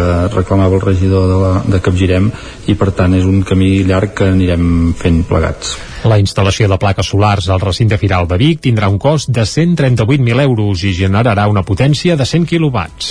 La majoria de camprodonins aposta per un carrer València amb una vorera sense altura i que puguin passar-hi cotxes entre setmana.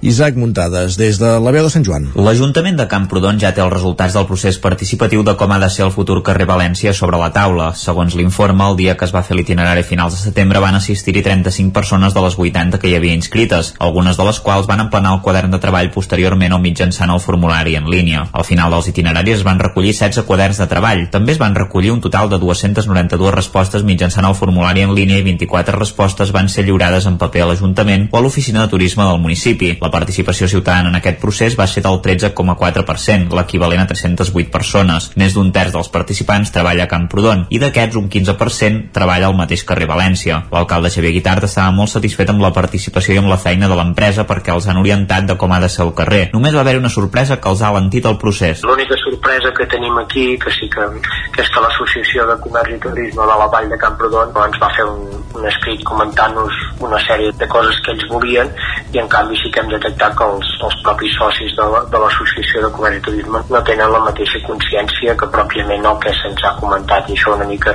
sí que ens ha parat una mica les màquines i ens ha ralentit el tema perquè creiem que el comerç és molt important, és molt important la seva valoració, però en canvi sembla com si des del comerç mateix hi haguessin discrepàncies entre, entre l'associació i els propis socis. Guitar comentava que els socis preferien una plataforma única i que els cotxes passessin de dilluns a divendres, però l'escrit demanava exactament el contrari. Pel que fa a com ha de ser el carrer València, en els trams que es podien escollir, inicial, central i final, els participants van mostrar preferència per la proposta de fer una vorera simètrica sense altura. En tots tres trams aquesta opció superava el 87% dels vots. La majoria dels participants tampoc volien que s'hi instal·lés mobiliari urbà. Els participants consideren que s'ha de fer una reforma mínima que millori certs aspectes de la via com el mal estat del ferm, l'ordre dels serveis soterrats, el soterrament de cables i la millora de l'enllumenat. El procés participatiu també va plantejar la pregunta oberta sobre quins haurien de ser els horaris d'accés de vehicles al carrer València, el qual ja compta amb una regulació. La reforma pretén afegir una càmera de seguretat per pacificar el carrer. En total es van rebre 261 aportacions sobre aquest tema. Més d'un 17% dels participants creuen que s'ha de mantenir l'horari actual. Un 15% vol que es mantingui el carrer tancat als vehicles excepte pel veïnat, comerç i vehicles autoritzats. 171 persones volen que hi hagi nous horaris i gairebé el 60% són restrictius amb els vehicles. Hi ha diverses persones que especifiquen que cal accés lliure de vehicles en dies laborables, horari de restricció en caps de setmana i el tancament de la via en festius. Poc més de l'1% creu que ha d'estar sempre obert als vehicles i gairebé un 6% pensa que ha de ser només de vianants. D'altra banda, la majoria de participants, un 68%, opta perquè el paviment sigui de basal, com el de les voreres del carrer Sant Roc, el carrer Isaac Albéniz i la plaça César August Torres, però una vintena de persones valoren que calen altres propostes o alerten del risc de relliscada i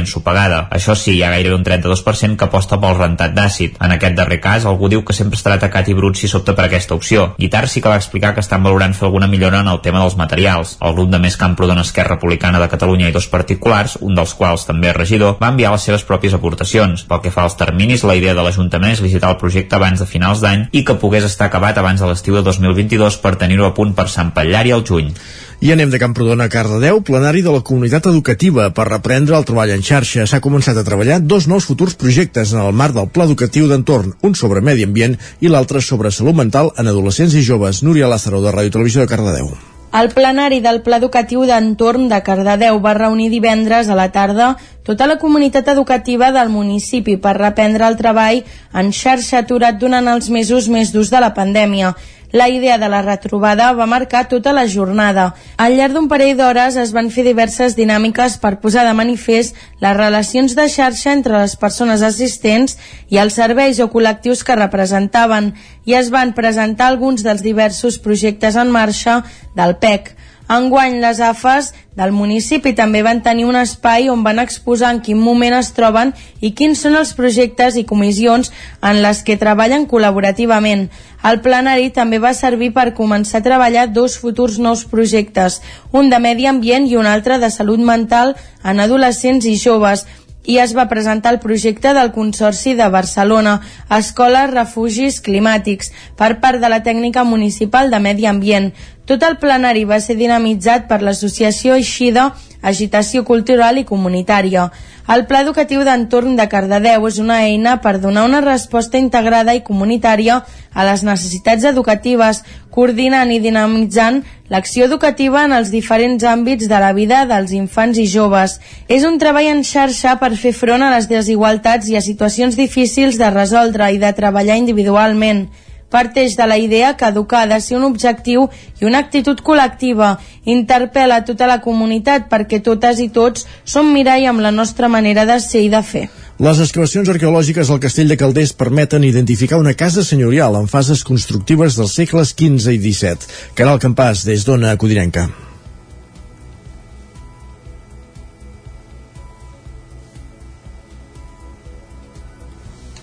Les excavacions arqueològiques, com bé deies, al castell de Calders, fetes aquesta tardor, s'han centrat en les estructures localitzades al peu de la torre ja identificades en intervencions anteriors. Ara s'han pogut excavar i s'han identificat com a restes d'una casa senyorial posteriors al castell. Eduard Sánchez, alcalde de Calders i arqueòleg, en dona més detalls. Uh, es va construir, com passa amb la majoria de castells d'aquesta època i en aquest entorn, eh, es va construir el que en diríem la domus o la casa senyorial que substituïa per el castell modern, entre cometes, modern medieval, que substituïa el més antic, el medieval. Que és un, més com una fortificació i és una casa senyorial. La casa senyorial també consta de dues fases. La seva construcció dataria del segle XV i al segle XVII hi hauria una reforma de l'edifici. Ja s'han trobat les, els fonaments, que ja els coneixíem de la campanya anterior, que estaven delimitats, però s'ha fet l'excavació i s'ha pogut veure una mica la distribució de la, de la casa. Aquesta casa doncs, eh, s'ha detectat que hi ha dues, dues, dos moments constructius. L'inicial, que deu ser cap al segle aproximadament 14-15, i una reestructuració total de l'edifici entorn del segle XVII. Ja a més a més de l'excavació arqueològica també s'han dut a terme treballs de restauració per consolidar les estructures i d'aquesta manera garantir la seva conservació. Gràcies, Caral. El Prat Verd de Malla ha celebrat el seu 20 més 1 aniversari envoltat d'amics i col·laboradors. Una petita plantació abandonada de vets, situada a prop del centre comercial L'Esclat de Malla, es va convertir al maig de l'any 2000 en un inèdit i singular bosc artístic. Darrere d'aquesta iniciativa hi havia Xavier Carons, un pagès del poble que inicialment ho va impulsar com a complement a la seva activitat ramadera. Naixia el Prat Verd, un equipament que durant tots aquests anys ha mantingut el doble vessant de galeria d'art a l'aire lliure i d'espai per a la celebració de tot tipus d'esdeveniments. Ajornada l'any passat per la pandèmia, dijous passat Xavier Carons i Glòria Arumí van, van convocar la celebració del 20 més 1 aniversari, envoltats d'un centenar llarg d'amics i col·laboradors. En dues dècades d'història, el Prat Verd ha viscut dos autèntics sotracs. El primer, en forma d'esclafit, va ser el 17 d'agost de 2003. El fenomen va arrencar la majoria dels avets que conformaven el bosc i va convertir l'espai en una desferra de troncs i brancam. D'aquell d'alta baix, però, Arcarons recordava que en van sortir reforçats. La segona sotregada ha estat la pandèmia.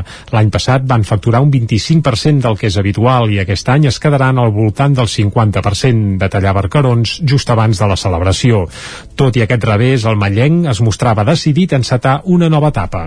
A banda de continuar potenciant els allotjaments rurals paral·lels que van inaugurar el 2009 amb el nom del Prat Xic, va anunciar la gestació d'una nova línia de negoci, la Verd Creacions. Actualment l'espai acull al voltant de 130 obres d'art d'una seixantena d'artistes de totes les tendències i estils. Divendres començava el 39è Festival BBVA de Cinema de Muntanya de Torelló amb una sessió inaugural dedicada a l'Antàrtida. I dissabte va arrencar ja la projecció de les 47 pel·lícules a concurs en un festival en format híbrid. S'han recuperat les projeccions presencials al Teatre Sirvianum i al Cinema al Casal, alhora que es manté la plataforma virtual per veure les pel·lícules des de casa. Entre les activitats paral·leles aquest cap de setmana ha destacat el Torelló Mountain Wines, la mostra de vins de muntanya. 17 cellers van participar aquest cap de setmana a la tercera edició del Torelló Mountain Wines. Els vins de muntanya i de vinyes en altes condicions extremes s'han pogut comprovar en els dos tastos conduïts conduïts pel gastrònom Rafa Jimeno dissabte al Teatre Sirvianum. Les 80 places que hi havia disponibles per sessió es van esgotar totes. Joan Salarí, que és el director del Festival BBVA de Cinema de Muntanya de Torelló. Nosaltres sempre hem entès el festival mm, com un compendi de tot el que es refereix a la muntanya. Eh, bàsicament, evidentment, és, és cinematogràfic, però sempre doncs, ja hem aportat eh, exposicions, xerrades, tot el que és la eh, cultura de muntanya el vi, en aquest cas el vi eh, cultivat o els conreus d'alta muntanya doncs també hi aporten aquest plus eh, cultural la 39a edició del Festival BBVA de Cinema de Muntanya Torellonenc va començar divendres amb l'espectacle L'Antàrtida al desert blanc. L'Antàrtida és també un dels termòmetres més evidents dels efectes del canvi climàtic. Joan Salaric. A l'Antàrtida no, no podem explicar històries més enllà de, de, de la gent que va intentar arribar al Pol Sud fora d'això doncs s'ha de tocar el tema aquest que és evidentment que està, que està en boca de tothom després de la cimera de, del clima d'aquests dies. Eh, bé, era, era obligat i a més a més un lloc tan sensible com és, com és l'Antàrtida que una mica desmarca el termòmetre de tot el que pot passar eh, o el que passarà a nivell mundial en els propers anys. Aquests dies, entre el Teatre Sirvianum i el Casal s'hi projectaran les 47 pel·lícules a concurs en una edició que recupera les projeccions presencials després que l'anterior passés els films només a una plataforma virtual que es manté aquest any. El festival que lliurarà els premis aquest proper dissabte també es viurà als comerços de Torelló amb 16 establiments que participen al concurs de paradors ambientats en temàtiques de muntanya. Acabem aquí aquest repàs informatiu que començàvem a les 10 en companyia de Caral Campàs, Jordi Sunyem, Núria Lázaro i Isaac Muntades. És moment d'anar a l'entrevista abans, però fem un repàs a la previsió meteorològica.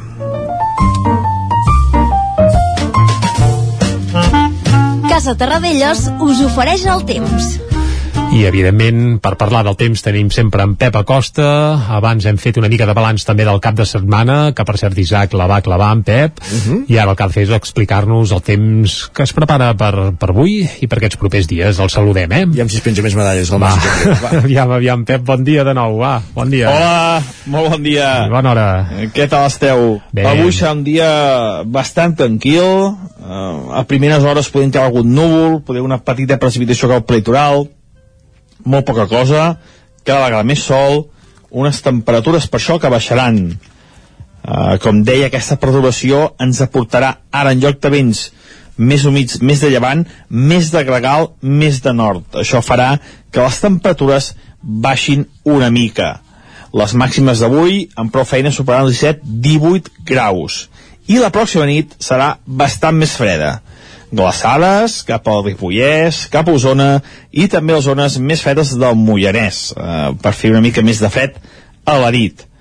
Però, com deia, eh, bastant de sol, pocs núvols i una situació bastant tranquil·la. Les màximes encara seran bastant suaus i una mica vent a les zones més altes, sobretot cap al Pirineu i també cap al Montseny.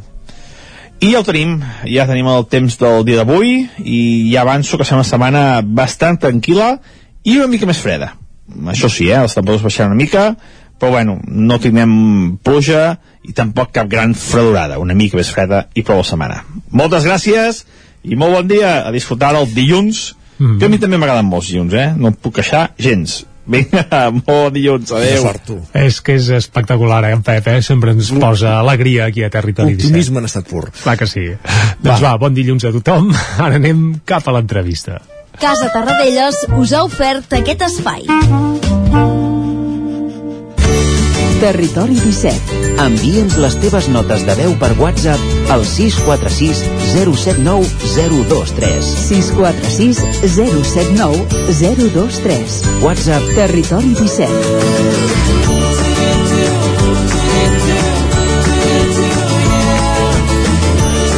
Territori 17. Som a Facebook, Twitter i Instagram amb l'usuari Territori 17.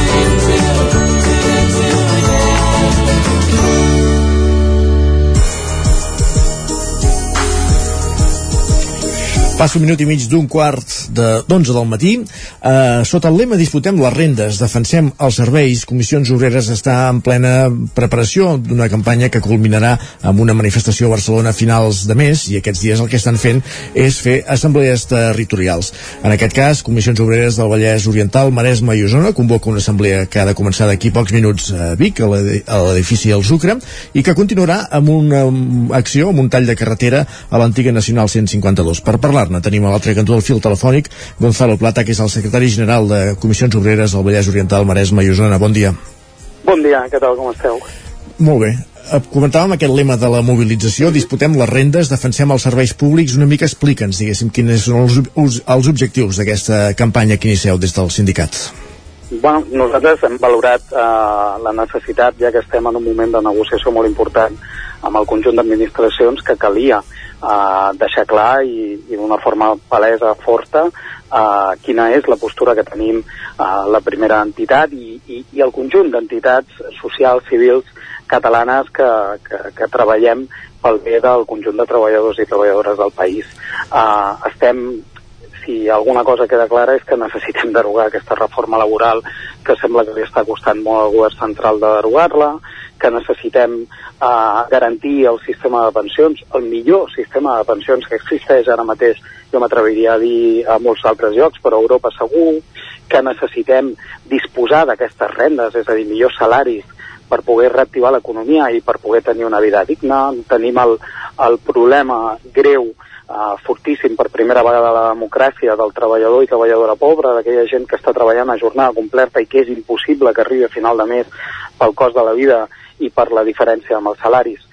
però també necessitem una xarxa de recolzament als treballadors i les treballadores quan ens posem malalts, quan hem d'enviar els fills i filles d'escola, quan perdem la nostra feina i, i perdem la prestació de desocupació, necessitem una xarxa de suport, això són els serveis públics, que també han estat molt malmesos per tot un seguit d'anys de polítiques de retallades, però també eh, per la situació pandèmica. Aleshores, el que, el que no tenim és gaire més espera i, i el que és veritat és que no, no podem permetre que la situació es cronifiqui i quedi com un nou model on els serveis públics són minsos i on els salaris no arriben perquè la gent tingui una vida digna. El punt de partida de tot plegat és, com deies, la derogació de la reforma laboral? El punt de partida de moltes altres coses també, però evidentment és, uh, un dels més importants és la derogació de la reforma laboral que només ha servit per pauporitzar el mercat de treball.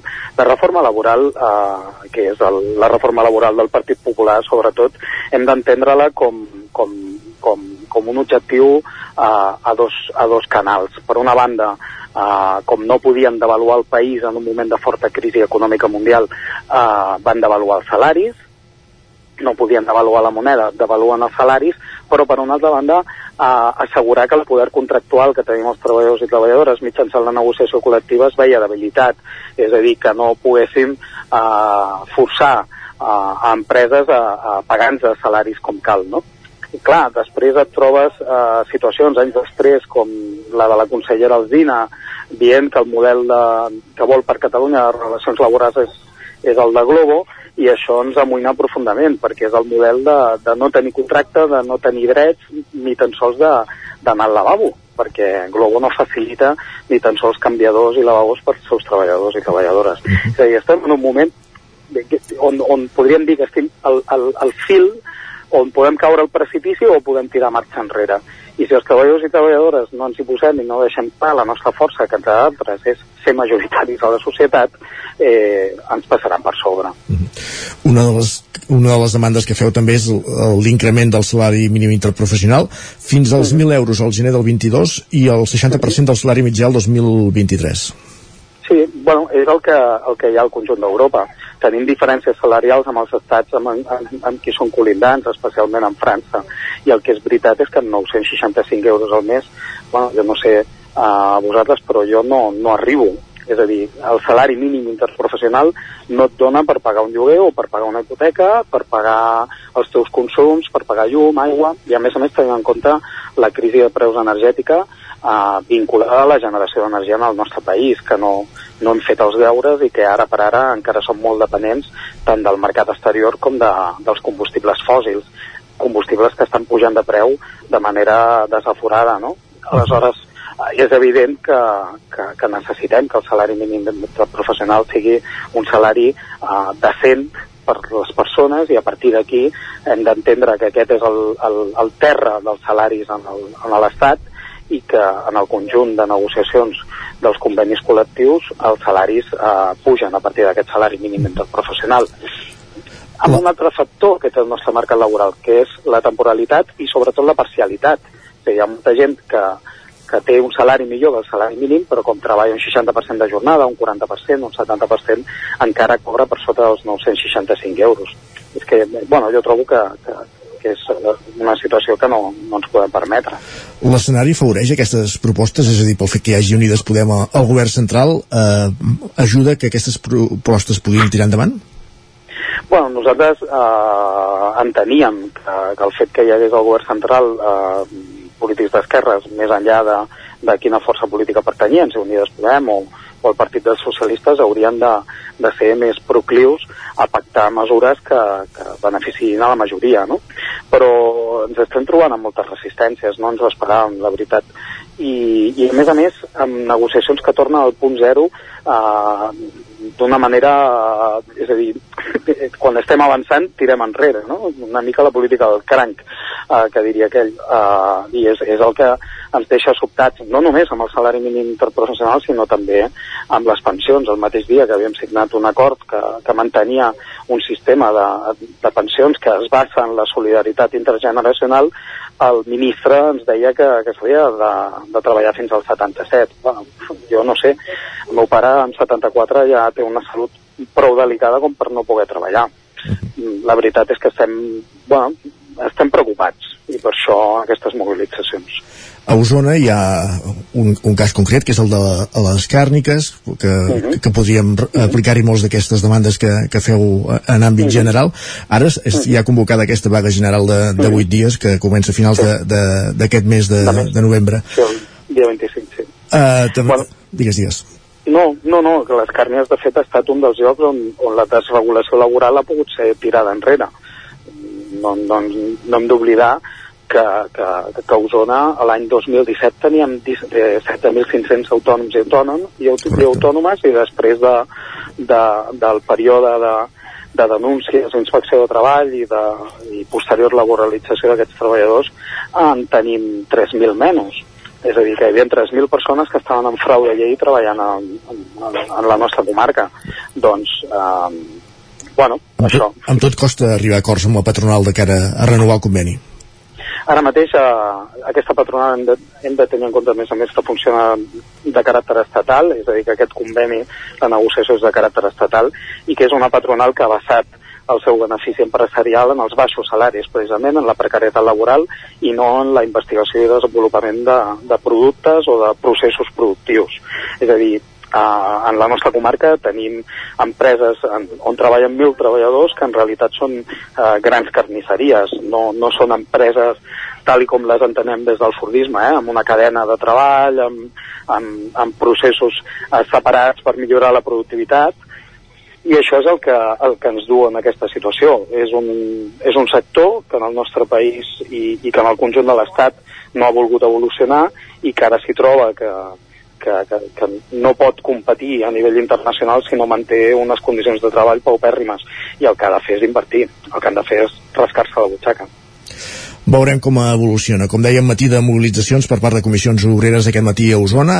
D'aquí pocs minuts, a dos quarts, comença aquesta assemblea a l'edifici al Sucre, on hi ha convocats els delegats i delegades de, del sindicat a la comarca, i a partir de les 12 aquest tall de la Nacional 152 antiga, a l'altura sí. també de, del Sucre de Camp Pamplona. Eh, durarà molt aquest tall, com serà l'acció? No, no, no, no, serà un tall ràpid que el que pretén és precisament això, eh, mitjançant la mobilització, convocar la mobilització. No hi ha cap més manera que tenim els treballadors i les treballadores d'aconseguir els nostres objectius que mobilitzant-nos i aquesta és la primera de les que hagin d'arribar. No descartem cap escenari. Anem a una mobilització potent a Barcelona a finals de mes o principis de, de desembre, en la que volem que conflueixin altres sindicats, en la que volem que conflueixin entitats de caràcter social i cívic, i eh, si no ho aconseguim d'aquesta manera no descartem cap escenari i quan no descartem cap escenari vull dir que no descartem si cal fer vaga general Queda dit, Gonzalo Plata, secretari general de Comissions Obreres al Vallès Oriental, Maresme i Osona. Gràcies per ser avui al Territori 17. Moltes gràcies a vosaltres per donar-nos veu. Bon dia. Bon dia. I al Territori 17 el que fem és una pausa. 3 minuts i tornem amb més coses, com cada dia amb les piolades, amb la taula de redacció i la resta de continguts que ens esperen fins a arribar al punt de les 12.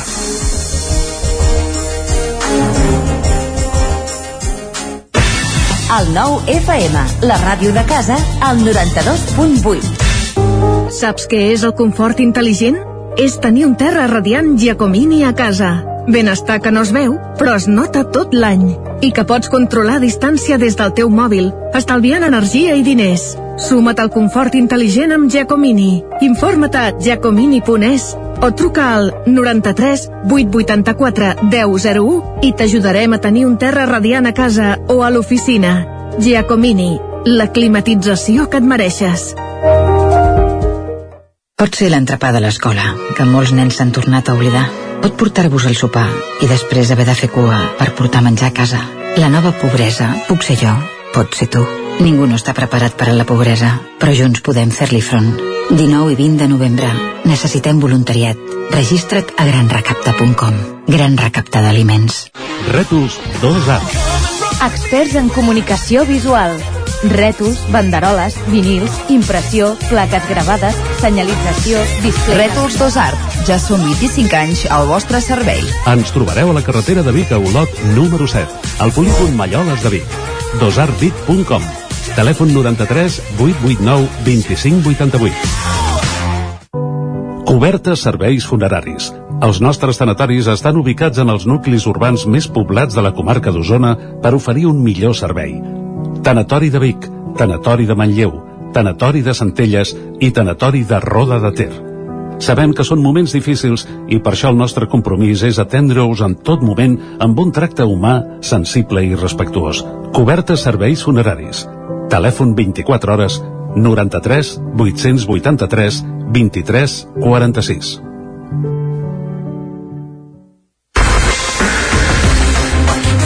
El nou FM, la ràdio de casa, al 92.8.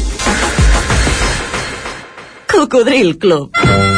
Si t'agrada la bona música dels anys 60, 70 i 80, escolta el 9 FM els matins de dissabtes i diumenges d'11 a 1. És el temps del Cocodril Club, tot un clàssic de la ràdio, amb les bases del pop-rock, les llegendes, les cançons que s'han convertit en autèntics himnes. Recorda, dissabtes i diumenges al matí, d'11 a 1, al 9 FM 92.8. Cocodril Club, el programa revival de l'Albert Malla. Hasta luego, cocodrilo. El 9 FM. Anuncia't al 9 FM. La màquina de casa. 9 3 8 8 9 4 9 4 9 Publicitat arroba al 9fm.cat. Anuncia't al 9FM. La publicitat més eficaç. El 9 FM. El 9 FM. El 9 FM. El 9 FM. Al territori 17 ara mateix són dos quarts d'onze. Territori 17.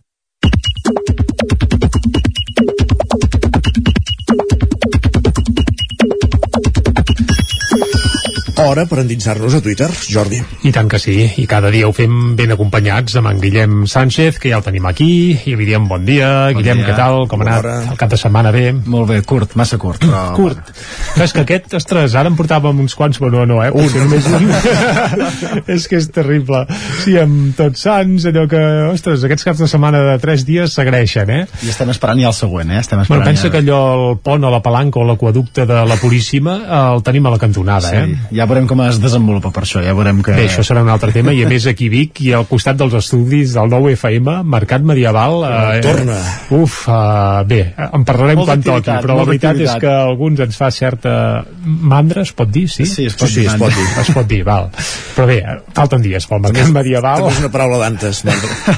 Bé, eh, anem a les paraules d'avui, doncs, i sobretot a les piulades. Va, eh, Nosaltres, doncs, el que farem de moment és començar amb energia, que no sé si és la mateixa que tenen, per exemple, en Xavi i l'Anna, que hi van deixar escrit això. Diu, avui entre les bugades, el rentaplats, les vomitades dels gats, la netejada a fons que he fet a la cuina, l'endreça que he fet al pati i la feinada que estic fent al Twitter el dilluns amb totes les gestions que hauré de fer, comparat per mi serà com unes vacances. Per tant, hi ha gent que es busca molta feina al cap de setmana, cosa que jo no entenc ni comparteixo de cap, de cap Oh, però és manera. que no hi ha més opció a vegades. Clar, eh? és que la, les tasques domèstiques s'han de fer. Clar, allò de netejar, dius, com ho fas? Entre setmana no tens temps, fer rentadores, fer no sé què, i al final et passa el cap de setmana i has estat fent de, de mestresso o mestressa de ho casa. eh? compro, Això va, passa, eh? Us ho compro, Jordi, Isaac. I ja no t'explico si a més a més hi ha menuts per casa.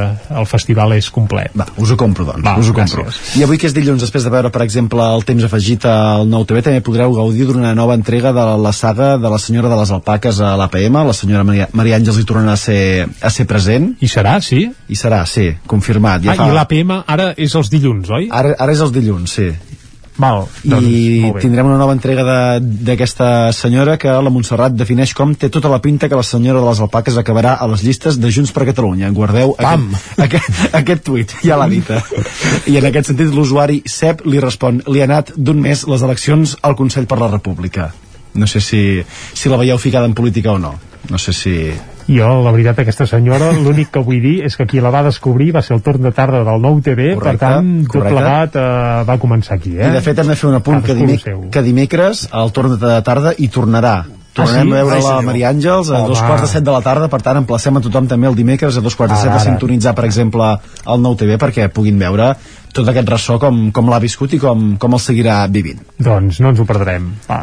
Va, Més canvi, coses. canviem de tema. Uh, quan es tracta de tardor i de begudes, l'Eric ho té molt clar. Diu, un cacaulat calent el millor remei a una tarda freda a l'exterior. No en tinc proves, però tampoc en tinc dubtes. No sé si sou més de cacaulat calent o fred, vosaltres. Jo, Eh, jo som més d'una altra cosa. per fer passar el fred, eh? Comença per R. Ai, Per exemple. Per exemple. Sí, acaba mà, i acaba mà. I va molt bé, per cert. Ara, Per fer no és gaire no? aconsellable. Amb gel o sense? Amb gel o sense? sense. Mira, a l'hivern quasi et diria que és millor sense. Si el tens fresquet ja baixa sense. Molt bé, més qüestions. I canviant de tema, no sé si compartiu l'anàlisi que fa l'usuari de Llonces, que ens diu, hi ha un tipus De d'INDEPE... llonces, de llonces, Sí, i s'amaga aquí darrere. Hi ha un tipus d'INDEPE autoanomenat de la ceba que quan surt de comarques no usa el català perquè és fora del seu àmbit natural i aquesta gent no ens deu entendre. Diu, especialment a Osona en tenim molts d'aquests. Ah, sí? Es veu que sí. Segons aquest usuari, doncs... Que quan surten d'Osona es passen al castellà. Sí, no volen parlar català perquè deuen pensar que la gent de fora Osona no els deu entendre. Doncs afirmem des d'aquí que almenys entendre se suposa que sí, i precisament el que hem de fer perquè ens entenguin és usar-lo i sempre. Uh, N'hem fet bandera d'aquest tema i no deixarem de fer-ne perquè la veritat és que ens preocupa i molt, eh? De fet, Però la- si volem que sobrevisqui el català, el primer que hem de fer és exercir-ne arreu i a tot arreu. De fet, la situació, com deies, del català, Jordi, no és la millor que ens podríem esperar hores d'ara. Sort de gent com també la Mireia, que no defalleix en la seva tasca. Diu, el meu paper al màster consisteix a dir coses en català a classe. Doncs Ben fet. a, a, a tothom a dir-ne encara més. I molts usuaris també comparteixen la següent reflexió, com per exemple la que diuen Samuel, diu els joves, el nan roig, Doctor Who, Arale, Bola de Drac, el Sal, quan el contingut audiovisual en català de qualitat va assegurar la supervivència de la nostra llengua. Per tant, potser la solució és que tornin a posar bola de, de, de drac per, Sí, el problema és que infantils. abans el jovent sí que estava de tothom eh, davant la tele i ara és que poses una sèrie i la meitat ni se n'enterarien, eh? O més de la meitat. Els temps han canviat en aquest sentit. I que es parli cada cop més castellà tampoc vol dir que el castellà es parli correctament. De Això fet, és un altre tema, sí. De fet, eh, ens ho demostra eh, un usuari que ha penjat una fotografia on es veu eh, una nova espècie de bolets que jo no havia sentit mai Ah, clar. arreu del món, que potser els haurem de, de, de provar. Diu, solo hoy, oferta, rabollones, 3,49 euros al quart de quilo. rabollones. Aquest preu ves que no siguin lleteroles, eh? Jo no, no ho veig pas clar. no sé si em ve gaire de, de gust provar-los, eh, per això. I al cap de setmana també podíem llegir al Twitter de La Vanguardia el següent escrit, diu Las fotos de los lectores de La Vanguardia. Ahora sí que ya nieva en serio en el Puigmal. La vista desde los abismos de Tabernulas en Osona aporta una perspectiva privilegiada de la nevada. I com podíem imaginar, la resposta de l'alcalde de Tabernulas, en Carles Benús, no es podia fer esperar ni un segon. Diu, segur que el community manager no en té ni punyetera idea d'on està Tabernulas, però deu haver cregut oportú, clarament d'una manera errònia, que la paraula abismos lliga molt bé amb Tabernules. Home, I des de Tavernoles al Puigmal jo no ho acabo de veure clar, eh? Almenys des del poble segur que no. No, des del poble no, pas, hi ha algun... Bueno, en Sí, és clar, si t'enfiles algun cim potser sí. I ben eh? ràpidament en Mauro li respon m'hi jugo un pèsol que s'ha confós amb Tabertet. No sé ah, si... aquest és l'altre. Bueno, però Tabertet dona... Home, des de Tabertet encara és pitjor, exacte, perquè clar, des queda del poble queda el tap al mateix eh, vessant del Coll Cabra i de Rupit, però vaja. I per acabar, molt ràpid, un acudit de l'Oriol diu, és un rus, un americà i en Pablo Casado que diu, hem, hem fet una nau que va al sol i torna de nit. I no farem cap més comentari i ho deixarem aquí. Gràcies, Guillem. Va, Jordi, bé. vagi bé. Va, moltes gràcies. Uh, exacte, fem ara un repàs al que diu el 99.cat. En aquests moments comencem per l'edició d'Osona i el Ripollès, que parlen d'un relleu històric al Museu Episcopal de Vic, que i ho, va, ho vam explicar la setmana passada, que hi ha nou director. També desallotgen 8 persones per un incendi a un habitatge de Vic. Això ha passat aquesta matinada, uh, però cal dir que no hi ha hagut ferits, per tant ha acabat sense afectacions uh, tampoc estructurals, per tant el bloc també se n'ha sortit mig bé. I uh, retrobament centenari, tres uh, pobilles de les quals també vam parlar la setmana passada uh, aquí a Territori 17, que plegades sumen gairebé 300 anys, i és que tres germanes es van retrobar eh, no es veien des d'abans de la pandèmia per celebrar el centenari eh, d'una d'elles. Anem cap al Vallès Oriental, ara mateix el 99.cat de color verd obre explicant que el Vallès Oriental ha perdut la meitat d'oficines bancàries en 20 anys, un tema recurrent, però que torna a estar a la palestra, en aquest cas al Vallès, perquè el Figaro s'ha quedat sense cap oficina bancària després que hagi tancat la darrera de, que hi tenia el BBVA.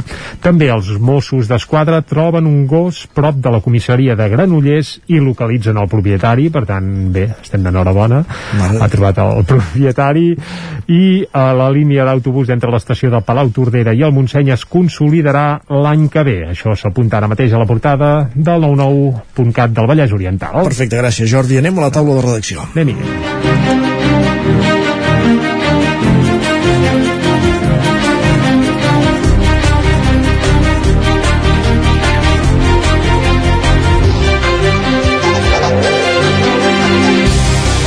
Una taula de redacció on ens hi esperen en Víctor Palomar i la Caral Campàs, amb en Víctor Palomar per parlar d'aquest Premi Usonenc de l'any que es lliurava divendres al vespre a la Canal de Tona i que finalment va ser per per, els, per la coordinadora del voluntariat, no eh? no ens havíem posat d'acord, era, era allò per, per fer-ho conjuntament, eh? Exacte. Coordinadora del voluntariat de zona. Perdó, dit, eh, va ser el guanyador, però hi ha aquests dos altres finalistes, Núria Macià i Júlia Blanco. Explica'ns una mica, Víctor, com va anar aquesta gala. Doncs sí, com no podia ser d'una altra manera, el, la crisi del coronavirus, la pandèmia, va marcar una gala que retrobava amb el públic, perquè l'any passat es va haver de fer eh, en un format en programa televisiu, perquè no es va poder fer en públic, i ara es retrobava amb el públic a la sala La Canal de Tuna, i dèiem que havia estat molt marcat per la pandèmia perquè, com no podia ser d'altra manera, els premiats i els finalistes doncs tenien poc o molt o, una gran vinculació amb la pandèmia. Els guanyadors van ser la coordinadora del voluntariat d'Osona, que va premiar el, els lectors del 9-9 doncs van votar els voluntaris que en el seu moment doncs, en aquell inici de la pandèmia doncs, eh, es van dedicar a fer mascaretes, eh, equipaments de protecció per als professionals sanitaris quan no hi havien eh, aquests equipaments de, de protecció mm. individual també doncs, aquells que van sortir al carrer per mm, eh, anar a fer la compra a les persones que estaven soles a casa o també doncs, les persones necessitades doncs, que amb serveis que eren habituals com els menjadors socials doncs, eh, no podien moure's i els hi portaven a casa. Doncs, tots aquests voluntaris eh, van rebre aquest reconeixement eh, a través de la coordinadora del voluntariat creada fa dos anys i que hi agrupa una cinquantena d'entitats i dona servei o ajuda, col·labora amb més de 100.000 persones els finalistes doncs, també tenen aquesta vinculació amb la Covid-19, l'investigador Julià Blanco, eh, investigador de l'IRSI Caixa, que durant anys ha estat investigant del VIH, però aquest, eh, des de l'esclat de la pandèmia els seus coneixements s'han posat eh, eh, per, per investigar amb la, amb la vacuna de la Covid-19 i el, la investigació, els seus coneixements doncs, han sigut útils també per avançar amb la pandèmia. I també l'economista Núria Macià va ser finalista també des de Creacció, aquest ens que es va crear ara ja fa uns anys i que va agrupar doncs, serveis de promoció econòmica de diversos municipis d'Osona -huh. i ara també doncs, la recuperació econòmica és un altre dels factors eh, que, que marquen el, aquest moment de la, de la pandèmia. Durant la gala també el sector de la cultura va tenir el seu reconeixement amb el Premi a l'escriptora Irene Solà, un premi que va anar de la mà de cambra de la Cambra d'Osona i també l'actor Abel Reyes per part del Consell Comarcal i que van reivindicar sobretot Abel Reyes la importància de la cultura en un moment com l'actual i va destacar doncs això que el sector del teatre sí que, que pateix la crisi com tots els sectors, però de fet ja és un sector que ho està des de, des de fa, fa molt, molt temps. temps. També va haver aquest reconeixement als sanitaris, oi?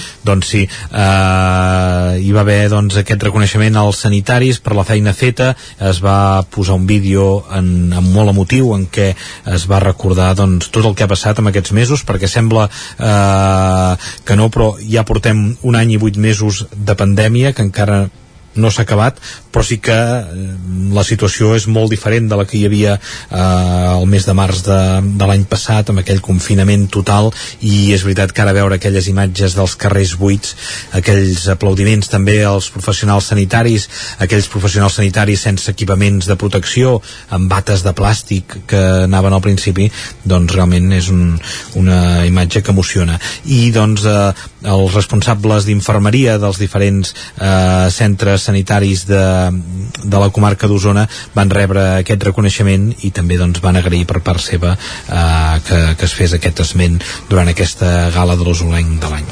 Perfecte, moltíssimes gràcies per fer-nos aquest recull, Víctor. A vosaltres. Continuem al territori 17, com dèiem, anem fins a una codinenca amb la Caral Campàs per parlar d'aquesta mostra de bruixeria que ha acollit aquest cap de setmana a Caldes. És així? Bon dia. Sí, bon dia. Sí, uh, aquest cap de setmana el Museu Termàlia i l'empresa de turisme cultural Coltur doncs van decidir organitzar aquestes jornades per parlar sobre els processos que hi va haver de bruixeria durant el segle XVII a, a Caldes de Montbui i a Catalunya, perdó, al segle uh, Sí, perdó, al segle XVII. Uh, aquestes jornades portaven per títol Junta Bruixes, Caldes de Montbui, i es van fer sobretot perquè els últims anys a Caldes uh, ha agafat molta volada aquest tema. De fet, um, ja s'han organitzat doncs, algunes rutes guiades que s'anomenen Camins de Bruixes, que es fan al voltant de la festa de l'Escaldàrium, que és uh, a l'estiu, que també té a veure amb aquesta qüestió. També es va batejar un carrer amb el nom de Passatge de les Bruixes, o, que està a tocat a la plaça de, de la Font del Lleó i també es va estrenar fa poc uh, un escape tour uh, que permet doncs, descobrir aquells fets a través d'un joc de pistes. Uh, una mica en aquesta línia, doncs, aquest cap de setmana han organitzat aquestes eh, jornades que van ser doncs, dissabte i diumenge eh, amb diverses activitats si voleu us faig 5 cèntims sí. de, de les conferències que hi va haver divendres i que hi, podem, hi vam poder assistir uh, mireu, aquí en aquestes conferències eh, va poder parlar el, el professor Pau Castells professor associat de la Universitat de Barcelona que és expert en, en la qüestió i de fet va presentar una tesi doctoral sobre els processos de bruixeria bruixeria que va ser guardonada.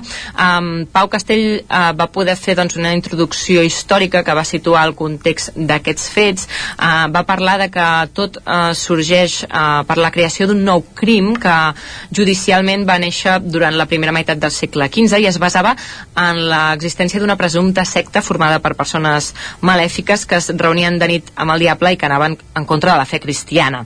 Uh, arran doncs, de la creació d'aquest nou crim uh, hi va va començar a haver doncs, tot aquest procés de caça de bruixes. A Catalunya el moviment es basa en tres punts principals, que és la, la tradició medieval um, de lluita no? contra l'heretgia, també la creença en la màgia negra i també uh, la creença doncs, en éssers i esperits doncs, d'aquest doncs, folklore medieval eh, va fer tota aquesta introducció.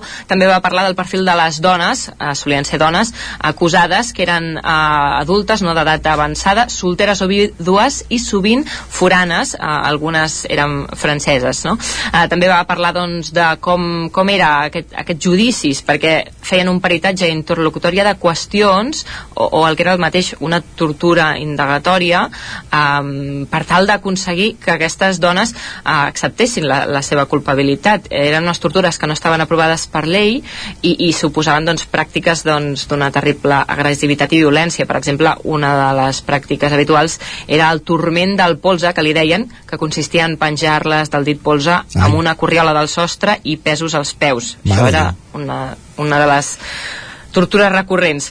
Um, clar, l'únic element probatori d'aquestes acusacions eren eh, les confessions que arran de, de, les, de les tortures doncs, acabaven acceptant. Um, la segona part d'aquestes xerrades van a càrrec de Ricard Jiménez, que és historiador i arqueòleg de Caldes, que va parlar dels últims descobriments que s'han fet respecte a 17 condemnades que hi va haver a Caldes, uh -huh. uh, 13 van ser penjades i la resta doncs, uh, van tenir altres destins. Uh, va parlar d'una d'elles, el cas més curiós, que va ser el d'Eulàlia Úrsula, uh, de només 18 anys, que va ser l'única que va aconseguir recórrer al Tribunal Eclesiàstic per tal de, de ser jutjada i no al tribunal del, del poble, de, del Vall del Poble. Va alegar que ella no era apòstata i que, que creia en Déu i gràcies a això eh, va ser considerat un cas que no podia jutjar un Vall de Poble i per tant el Tribunal de la Inquisició que estava a Barcelona la va absoldre després de 500 dies de captiveri. Um, altres descobriments que han fet uh, és que moltes dones van ser, que van ser penjades eren viudes, com bé deia abans, i en família francesa, i a més han trobat alguns documents que indicarien l'existència d'un home jutjat per bruixeria, tot i que encara no s'ha confirmat. Doncs déu nhi el que van donar de si aquestes jornades de la bruixeria al Junta Bruixes a Caldes de Montbui aquest cap de setmana. Gràcies, Caral. No marxis, no marxis gaire lluny, que de seguida parlem d'esports. De, que és el que fem tot seguit al Territori 17, com cada dilluns, posar-nos al dia de com ha anat la jornada esportiva pels equips del Territori 17 durant el cap de setmana, els equips a l'entorn de Cardedeu, del Ripollès, del Vallès Oriental, del Moianès i d'Osona. Com dèiem, tot seguit al Territori 17 ens posem al dia de l'actualitat esportiva. Territori 17 el 9 FM, La Veu de Sant Joan, Ona Codinenca, Ràdio Cardedeu, Territori 17.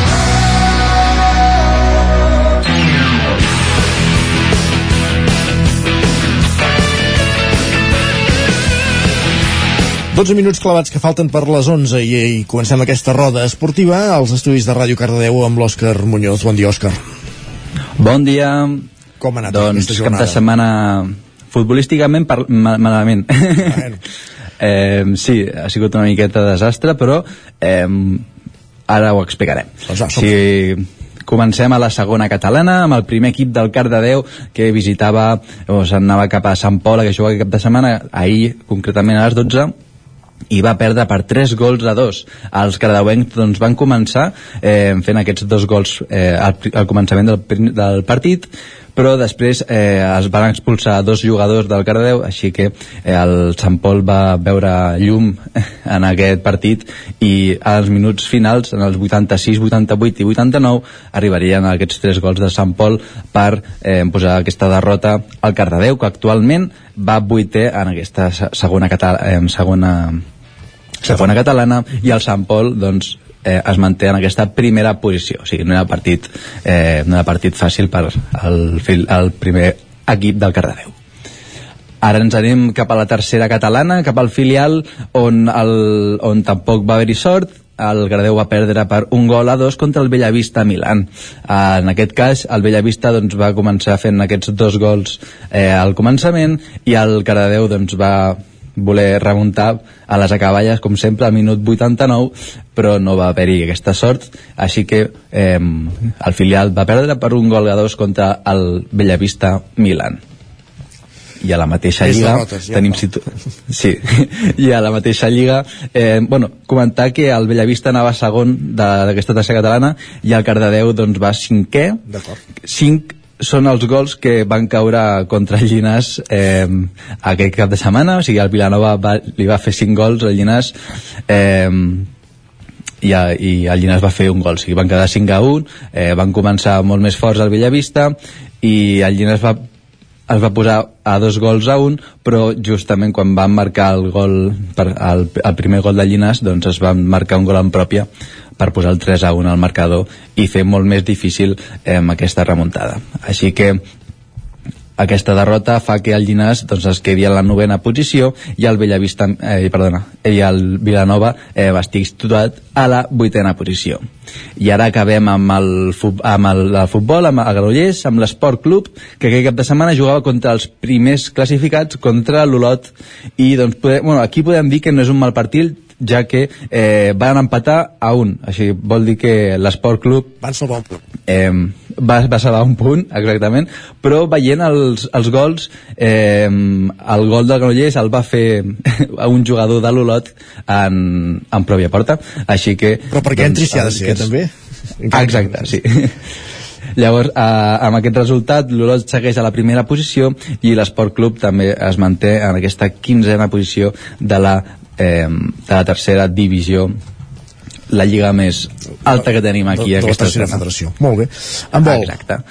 En vol, així comencem ràpid. Eh, victòria del masculí, del, del, del sènior masculí contra la Roca per 28 gols a 32. En aquest cas, eh, el Granollers ai, el Cardedeu es va posar les piles i eh, estan situats a la setena posició i varen guanyar doncs, contra la Roca que eren els vuitens, eh, els últims classificats de la Lliga eh, d'aquesta Lliga catalana sènior masculina. I doncs això, victòria pels cardedeuencs i, i empat per les cardedeuenques que aquest cap de setmana jugaven contra els Sants i va, eh, es van quedar empat a 27 gols Eh, aquest resultat fa que les cardauenques doncs, pugin una posició a la Lliga i estiguin sisenes i els Sants doncs, que es, queden, es mantenen en aquesta cinquena posició de la Lliga eh, catalana sènior femenina. I Granollers? Amb el Franking eh, que aquest cap de setmana va guanyar aquest derbi contra el Sant Quirze en la Lliga Guerreres eh, Iberdrola per, van guanyar per 33 gols a 17 en aquest cas doncs victòria còmoda per les noies del CAC 7 que ara mateix pugen una, una posició a la Lliga i es queden en aquesta setena posició i el Sant Quirze doncs, que es manté a la dotzena posició. I acabem amb el Franking que jugava contra el segon classificat contra el Vidassó Airun en aquest cas no va poder guanyar. Eh, es van quedar a les portes per 28 a 34 el Franking jugava a casa i doncs això no va poder, no va poder contra els segons classificats que són molt bons aquest Vidaso Iron que es manté en aquesta segona eh, posició de la Lliga Asobal Perfecte, Òscar. El molt... Franking, doncs, a tercera. Molt bé. D'acord, Òscar, moltíssimes gràcies per tota aquesta informació. Parlem a vosaltres. la setmana. Bon dia. Uh, anem cap a Ona Codinenca de nou amb la Caral Campàs, com dèiem, per repassar els equips de futbol i hoquei de, de Caldes, de Vigues, de Sant Feliu, del Moianès.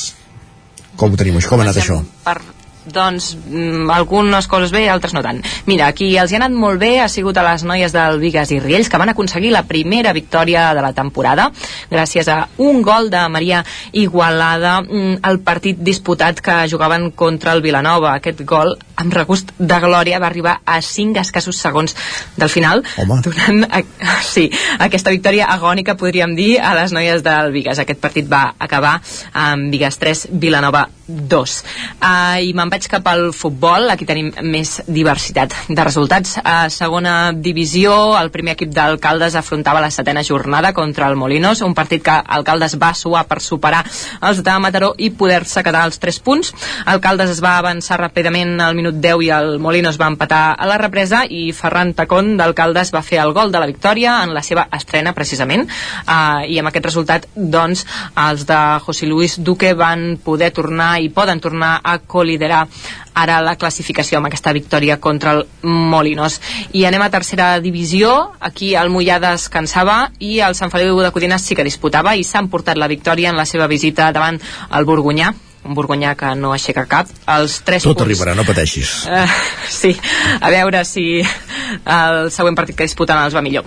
Els 3 punts se'ls va, van portar, doncs, els, se'ls van emportar els del Vallès gràcies a, a dos gols des de mig camp de Palau Uh -huh. i un des de la frontal amb un marcador que va acabar per 2-3 i el segon equip d'alcaldes no els hi va anar tan bé com el, com el primer equip. Van ser derrotats pel Ceba en la primera victòria dels usonencs al camp dels calderins. Uh, tres gols del Ceba a la mitja hora van deixar pràcticament decidit el partit uh, abans de la segona part.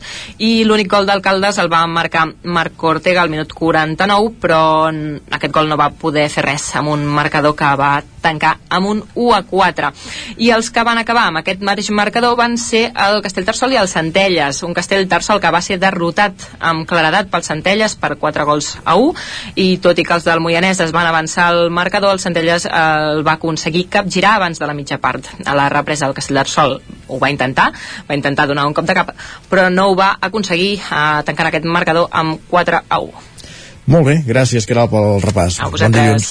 Bon Anem cap a la veu de Sant Joan. Isaac Muntades, com ha anat pel Ripollès?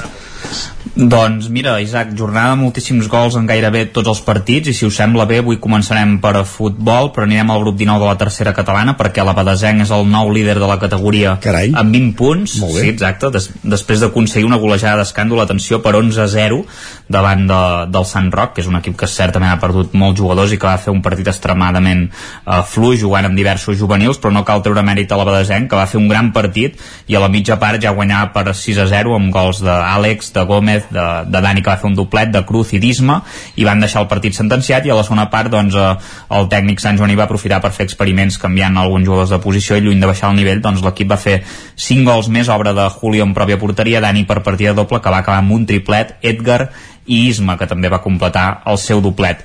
I, de fet, el partit amb menys gols, que us explicaré avui, el va protagonitzar el Camp de Bànol, que va empatar a casa 1 contra el Sant Pons, en un partit realment dolent dels locals, sobretot a la primera part. El Camp de Bànol només va inquietar amb dos xuts desviats de Maideu, mentre que els visitants van fer suar Riera en dues ocasions abans que anotessin per, per mitjà de Víctor un gol de vaselina, que, que el porter fins i tot va arribar a tocar. I a la segona part els locals van tenir una mica més d'empenta, Vinyes va fer lluir el porter, però va ser Serrador qui va empatar amb un altre gran vaselina als acaballs del partit. Ara el de Bànol és tercer amb 19 punts, però està empatat amb el segon classificat. I qui sí que no aixeca cap i s'ha quedat gairebé 16 opcions per lluitar per l'ascens al Camprodon, que va caure golejat a casa per 1 a 6 contra l'Empúria Brava Castelló, tot i no fer un mal partit, però com sempre l'eficàcia, la poca eficàcia en aquest cas els condemna. Eh, els gols de la primera part eh, 0 a 3, eh, un gol de compte un de Vélez en un córner també un xut de fora a l'àrea de Ruedes van posar aquest, aquest marcador tan difícil de remuntar tot i algunes ocasions com un pal que va tenir el Camprodon. A la segona part Ruedes i Comte van fer doblet i triplet respectivament per posar-se amb 0 a 6 uh, i a l'últim minut doncs Lorenzo en pròpia porteria es va fer el gol de l'honor i el Canano ara és cué amb 3 punts i ja té uh, a 13 punts les posicions de privilegi, per tant molt difícil ja pel Camprodon que lluitarà pel descens aquesta temporada. Uh, i qui va acabar amb la mala ratxa va ser l'hoquei Club Ripoll a la primera catalana que va derrotar el líder el, Vi el Vilassar, exacte, un molt bon partit per 4 a 3, un partit vibrant amb moltes alternatives, es col·loca tercer uh, de la Lliga amb 12 punts. I això que no va sortir bé el Ripoll, va sortir adormit a, a la pista, es va, va veure com el Vilassar s'avançava per 0 a 2 va empatar el Ripoll, el Vilassar va aconseguir també fer el tercer gol i marxar guanyant el descans, però a la segona part i quan només quedaven 8 minuts doncs el Ripoll va aconseguir dos gols, eh, aquest i, el, i un al final de, del partit pràcticament que van suposar el deliri de la, de la grada per aquesta victòria tan important. Uh, en futbol sala, la primera nacional, l'escola de futbol Ripoll Servicat és l'equip que pinta pitjor dels ripollesos que tenim i que us expliquem cada setmana. Va tornar a perdre 6 a 3 a la pista del censur ara és penúltim amb només un punt i això que els ripollesos van sortir fins al partit es van col·locar amb un 0 a 2 però abans del descans el censur ja, ja havia empatat i a la segona part doncs, el partit es va posar 4-2 ben d'hora, els ripolleros van haver de jugar amb porter jugador i això sol ser contraproduent si no ets efectiu i al final doncs, el partit va acabar 6-3 i un apunt d'atletisme per acabar la Centúria Tral de Sant Pau de Segúries eh, van tenir 430 participants els guanyadors de la cursa llarga van ser Albert Llong i Marc Carós que van creuar la meta plegats amb 2 hores i 38 minuts i un segon. Eh, Jordi Pujol, no el president ni el fill del president va ser el tercer classificat i, i en la cursa femenina va guanyar Anna Ongaro amb 3 hores 8 minuts i 10 segons i a la cursa curta en homes va guanyar Ivan Moreno i en dones Mercedes Arcos. Molt bé, doncs queda dit gràcies Isaac. Eh, parlem després de la tertúlia esportiva, fins ara. Fins després i acabem aquesta roda esportiva amb l'Ester Rovira des dels estudis del 9FM. Bon dia, Ester. Bon com, dia. Com ha anat per Osona, això? Doncs hem tingut una mica de, de tot, com, com passa moltes setmanes. Uh, comencem, si et sembla, per l'hoquei Lliga Femenina, uh, que era la, la principal uh, de les competicions estatals d'hoquei patins que, que hi havia aquest cap de setmana. Recordem que l'hoquei Lliga encara continua aturada uh, per la disputa d'aquest europeu que comença justament uh, avui, uh, l'europeu masculí de, de seleccions, uh, mentre que aquest cap de setmana també hi havia aturada a l'hoquei Lliga Plata. I a l'hoquei Lliga Femenina eh, dic que, que els dos conjunts usonencs són una mica la cara i la creu, eh? El Manlleu, que va aconseguir la segona victòria en la segona jornada de competició, i el Voltregà, segona derrota. Eh, per tant, això, eh? Cara i creu. El Manlleu, que rebia a casa el Liceu, un dels equips que aquesta temporada s'ha reforçat i que apunta doncs, que, que pot donar la sorpresa i que, i que pot posar les coses complicades als equips de, de dalt. Eh, les malleuenques que van imposar-se per, per 3 a 1 en un partit on van dominar eh, però els va costar marxar al marcador davant un bon rival que es va defensar bé i que també va tenir les seves ocasions però bé, en tot cas això, eh?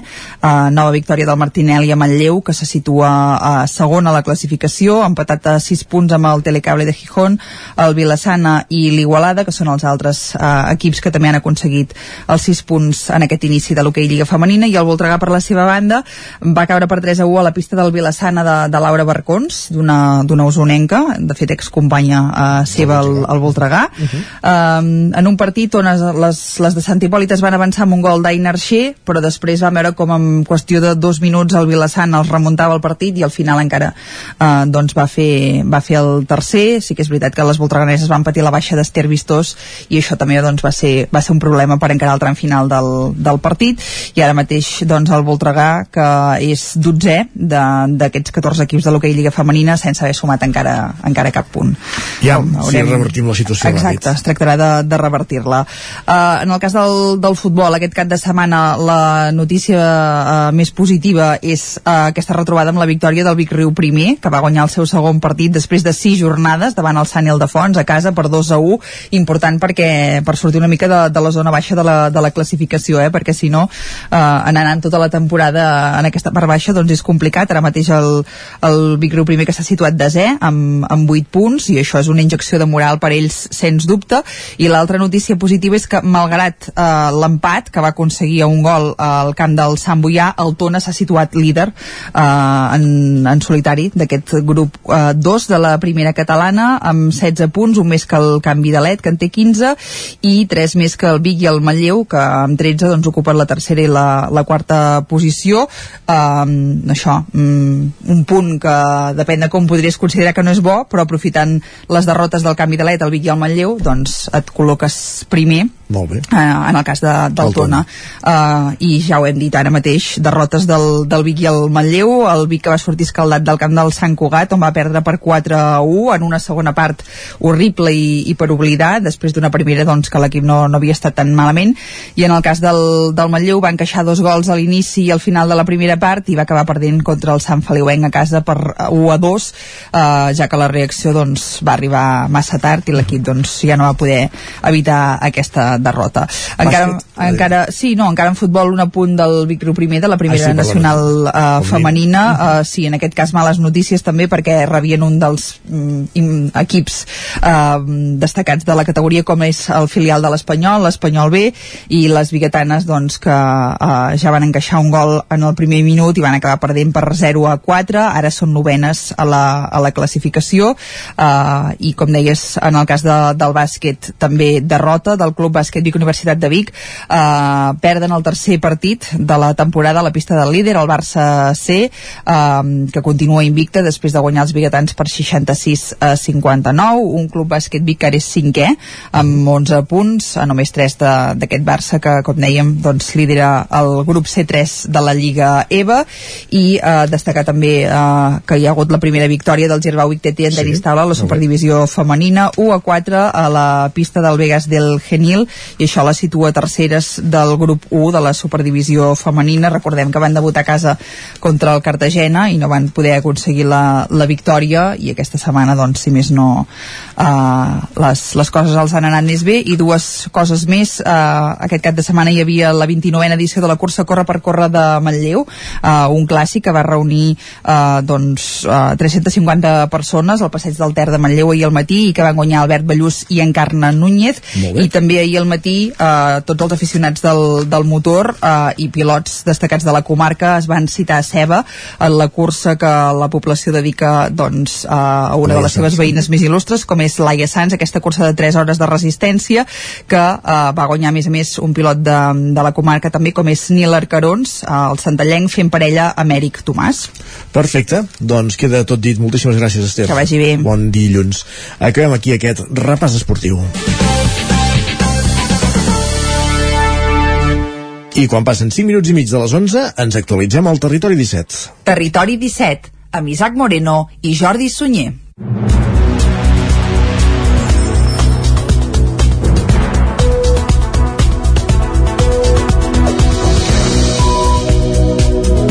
Aquest cap de setmana s'ha acabat la cimera pel clima a Glasgow i si parlem de canvi climàtic a casa nostra resulta que la temperatura mitjana de Vic ha pujat fins a 1,8 graus en les últimes 5 dècades a causa de l'escalfament global. A part de l'augment de temperatura també s'han detectat canvis en la freqüència i la durada dels aiguats.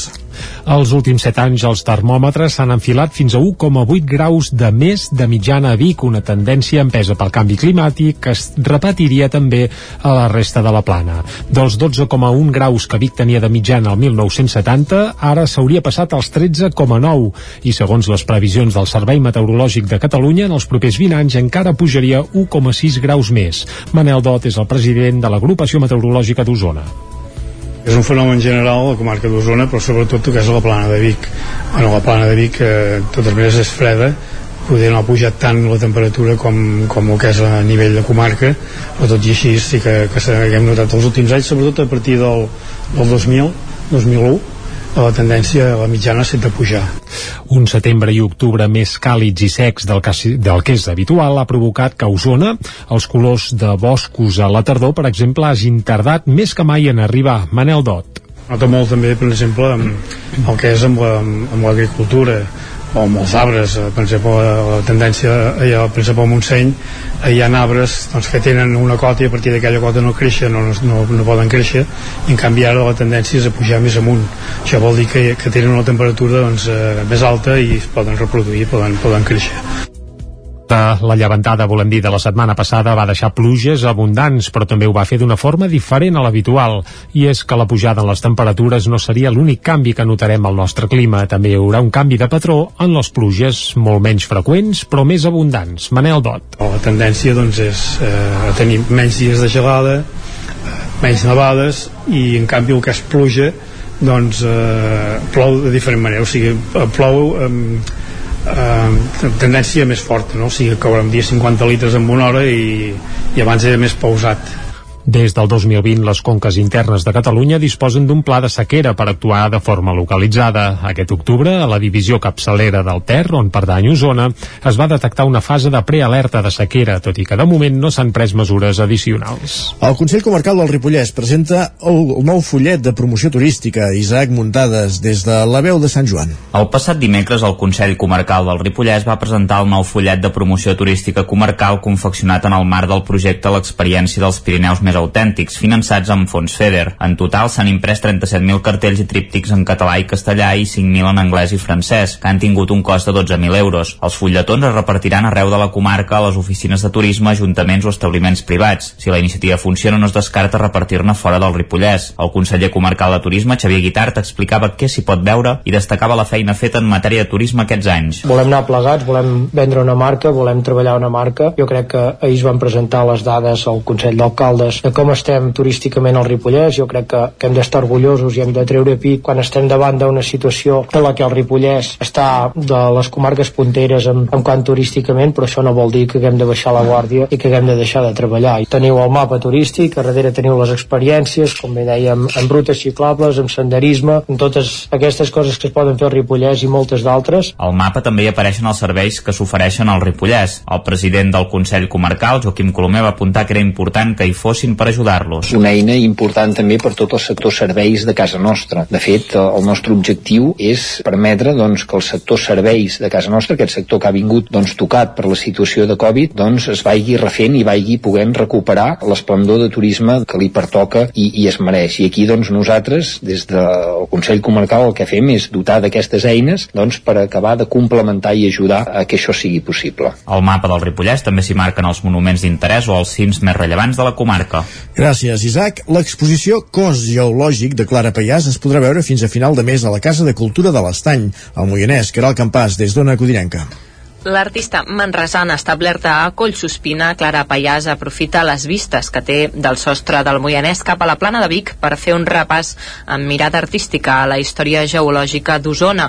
L'obra que combina pintura i escultura forma part de les propostes Moianès Cultura Inquieta. La tècnica de cultura de l'Estany ens dona més detalls sobre aquesta exposició. Uh, L'exposició en si eh, és, és, es podria considerar que és una instal·lació basada en sis quadres en què fa aquest relat eh, de la seva visió de la natura, la interpretació de la natura i del, del, de la plana de Vic. L'objectiu de Clara Pallàs, segons la tècnica, és repassar les etapes del quaternari a la plana de Vic a partir de la seva obra.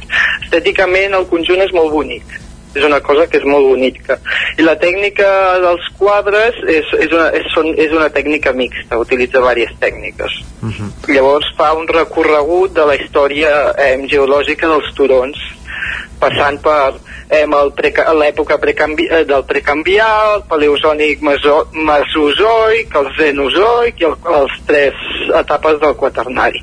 L'exposició inaugurada el passat cap de setmana es podrà veure fins al 30 de novembre a la Casa de Cultura de l'Estany els matins i les tardes en què és l'obertura de l'aula de lectura. Es poden consultar els horaris al web municipal. Gràcies, Caral. Un jazz més íntim és la nova exposició que es pot visitar al vestíbul del Teatre Auditori de Cardedeu. Núria Lázaro, des de Ràdio Televisió de Cardedeu. El vestíbul del Teatre Auditori Cardedeu acull fins al 13 de febrer de 2022 l'exposició fotogràfica Un jazz més íntim, a càrrec d'Alba Morera i Halma Zomberg, amb la col·laboració de les entitats i col·lectius organitzadors del 50 aniversari del Jazz Cardedeu, Amics del Gat i Esmuca. La mostra, que es va inaugurar el passat 7 de novembre, coincidint amb el concert d'Helena Mas Quartet, és una sèrie de 30 fotografies dels músics i grups que han format part de la programació del 50è aniversari de la primera nit amb jazz de Cardedeu. A més de poder veure imatges dels diferents grups que hi van participar, també s'inclouen les instantànies del concert commemoratiu del passat 4 de setembre al Parc dels Pinatons i els concerts de veus femenines al Museu Arxiu Tomàs Balvei i el cicle de jazz de xoc. L'exposició s'acabarà de completar amb les imatges del darrer concert que tancarà la celebració el proper 21 de novembre.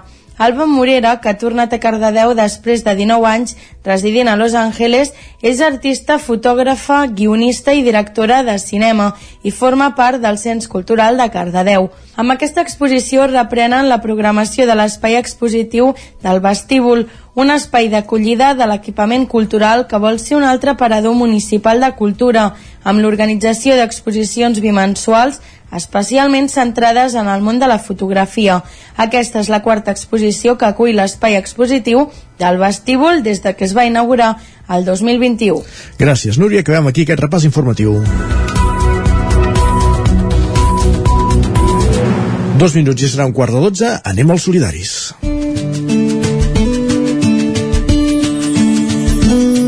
Solidaris, amb Eloi Puigferrer. I Eloi Puigferrer des de Ràdio Vic avui parlant de Creu Roja Osona. Bon dia, Eloi. La nostra cerca d'entitats solidàries a les comarques d'Osona, el Ripollès, el Moianès i el Vallès Oriental ens ha portat a conèixer i aprofundir amb algunes entitats de gran renom i de gran abast internacional. Tot i que ja portem més d'una trentena d'ONGs radiografiades, encara no havíem posat el peu dins d'una de les més grans i reconegudes arreu del món, una entitat que és present a gairebé qualsevol racó del planeta i que centra la seva acció en una ajuda integral a qualsevol necessitat que pugui tenir la població. Estem parlant de la Creu Roja, un moviment nascut l'any 1864 que ja acumula pràcticament 100 milions de voluntaris arreu del món i que ja s'ha estès per pràcticament tots els països del planeta. Avui, des de Ràdio Vic i a través de l'antena del Territori 17, no aspirem a fer una radiografia global d'aquesta entitat, però sí que coneixerem més a fons una de les seves subseus a les nostres terres, concretament a la comarca d'Osona, tot parlant amb la seva coordinadora, la Mare Espadaler. És ella mateixa qui, abans d'entrar en matèria, ens fa cinc cèntims de com ha estat la història i l'activitat de la Creu Roja a la comarca usonenca. Durant molts anys va ser una entitat local, però efectivament sempre va fer activitat a tota la comarca perquè durant diferents anys doncs, van haver-hi les inundacions de Manlleu, van haver-hi diferents tipus de, de, de, de, de situacions on la Creu Roja va tenir d'intervenir i tot i que era la Creu Roja de Vic, vull dir, fèiem activitat igualment. O sigui que podríem dir que des dels seus inicis la Creu Roja ha sigut comarcal perquè hem estat allà on se'ns ha requerit i on se'ns ha necessitat, com, com passa arreu del món. El nostre lema, que és estar al costat de les persones, doncs seria una mica això, no? Um, històricament sempre se'ns ha vinculat amb el transport sanitari perquè és el que fèiem o és amb el que es podria dir que es va començar a iniciar l'activitat a la Creu Roja amb el transport de malalts, amb, amb curar els malalts en èpoques de, de, de guerres i de pandèmies, no? Llavors, doncs, a mesura que això es va professionalitzant, podríem dir, doncs, eh, la Creu Roja ha anat deixant aquest paper i s'ha anat eh, vinculant amb, amb, amb altres tipus de necessitats. No? Actualment, eh, d'emergències socials o de, de, de, per exemple, si estem quan hi ha el rescat d'alguna persona que s'ha perdut, vam intervenir, per exemple, recentment amb totes les amb, una, amb, amb coses que van succeir arrel del, del, del Glòria, no? del temporal Glòria, bueno, i arreu del món doncs, estem eh, mm, intervenint moltes vegades inclús en temes de transport sanitari, continuen sortint ambulàncies, o sigui que el que va ser, diguéssim, l'inici de l'entitat continua estant present d'una altra manera, perquè el que fa la Creu Roja és adaptar-se als temps no? i a les necessitats que hi ha en cada moment i en cada país. Creu Roja, però, es fonamenta i troba la seva fortalesa en totes les persones que la formen, que la comarca superen els 400 efectius. El pal de paller de l'entitat, però, es troba en el model de voluntariat, que els permet gaudir d'un molt bon estat de salut. Actualment, o sigui, de, bueno, tenim bàsicament la nostra activitat està portada a terme per voluntaris, eh? De fet és el nostre, és el nostre pal de paller, diríem. Voluntaris actualment en tenim uns quatre, unes 400 persones que, bueno, que de diferents edats, de diferents, tant homes com dones, potser hi ha un sembla que estem a 60-40, no? 60 de dones i 40 d'homes i fan diferents activitats, eh? col·laboren en tots els projectes, o sigui, nosaltres intentem tenir voluntariat a tots els projectes que portem a terme. I llavors també doncs, eh, que persones que tenim personal tècnic, jo per exemple sóc una tècnica de l'entitat, que coordinem aquesta tasca dels voluntaris, la relació amb les administracions, relació amb altres entitats, que evidentment eh, es necessita i de tècnics de, que col·laboren en diferents projectes i que fem la coordinació de l'Assemblea Comarcal som vuit persones. Tenim molta col·laboració dels socis, de les persones de la comarca que col·laboren econòmicament amb la nostra institució.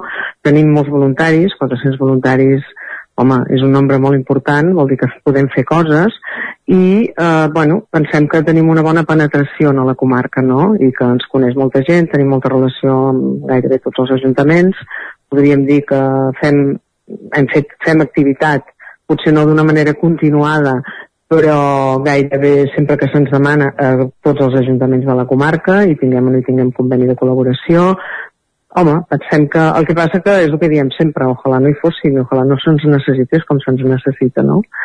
Però la realitat és la que hi ha i hem d'estar, això, intentem estar al costat de les persones i ajudar-los en tot el que puguem. Tots aquests voluntaris, però, han de passar per un primer nivell de formació per poder col·laborar amb la Creu Roja, sobretot si han de tractar amb certs col·lectius o han de fer algunes tasques més especialitzades. Ho explica Espadaler. La gent doncs, sempre, té, sempre ens té d'alguna manera en ment, no?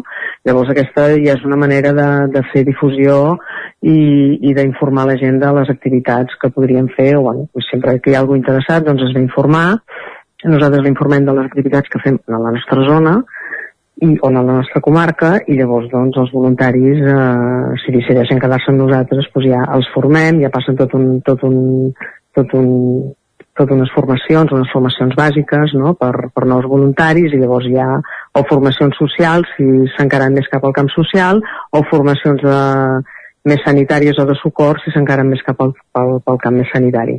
I a partir d'aquí doncs, hi ha la que, estan, la que hi ha... I llavors ells ja diuen quin, de quin temps disposen i qui, quina és la, és la dedicació que ells volen tenir a l'entitat, doncs ja, ja inicien. Intentem de que des de la primera entrevista que fem fins que comencen l'activitat no passi molt temps perquè realment quan una persona té, té, té, té les ganes o, o la inquietud de fer voluntariat en una entitat, pues, la veritat és que hem d'intentar que sigui més, la incorporació sigui el més ràpida possible, tot i que sempre requereix, eh, o requereix, s'han de fer unes entrevistes, s'ha de fer una formació, perquè potser hi ha gent que es pensa que està preparada per fer-ho i potser no és així. Eh? Vull dir que també és molt important el procés d'incorporació dels voluntaris. Activitats en fan moltíssimes de la Creu Roja i la gran majoria ben diferents, però ara que es va costant el fred i les festes de Nadal, n'hi ha una que s'alça per damunt de les altres, el gran recapte d'aliments, on l'entitat hi juga un paper protagonista. La Covid-19, però, va capgirar-ho tot. Ja des de l'inici, des del primer gran recapte, eh, que em sembla que aquest any serà el 13, el 13 eh, que col·laborem. A partir de l'any anterior, de l'any passat, ja sabeu que eh, la modalitat ha canviat, que arrel de la Covid, pues, ja no, la gent ja no podia deixar productes en els supermercats, sinó que feia unes col·laboracions econòmiques.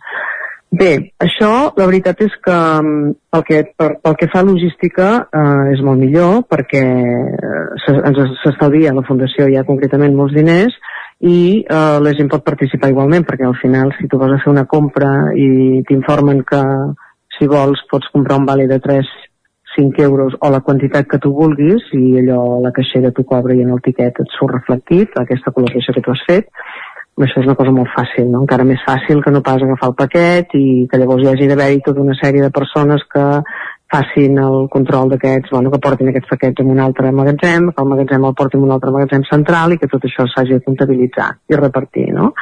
Evidentment és molt més operatiu com es fa ara. Sí que és veritat que mm, pel que fa a la participació de voluntaris és molt diferent, perquè la modalitat anterior agradava molt als voluntaris o hi participava moltíssima gent com a voluntaris, ja no només de la nostra entitat, sinó de gent que eh, esporàdicament només col·laborava amb la Gran Recapta nosaltres havíem arribat a incorporar en un cap de setmana a la tarda de divendres i el, tot el dissabte gairebé 200 persones.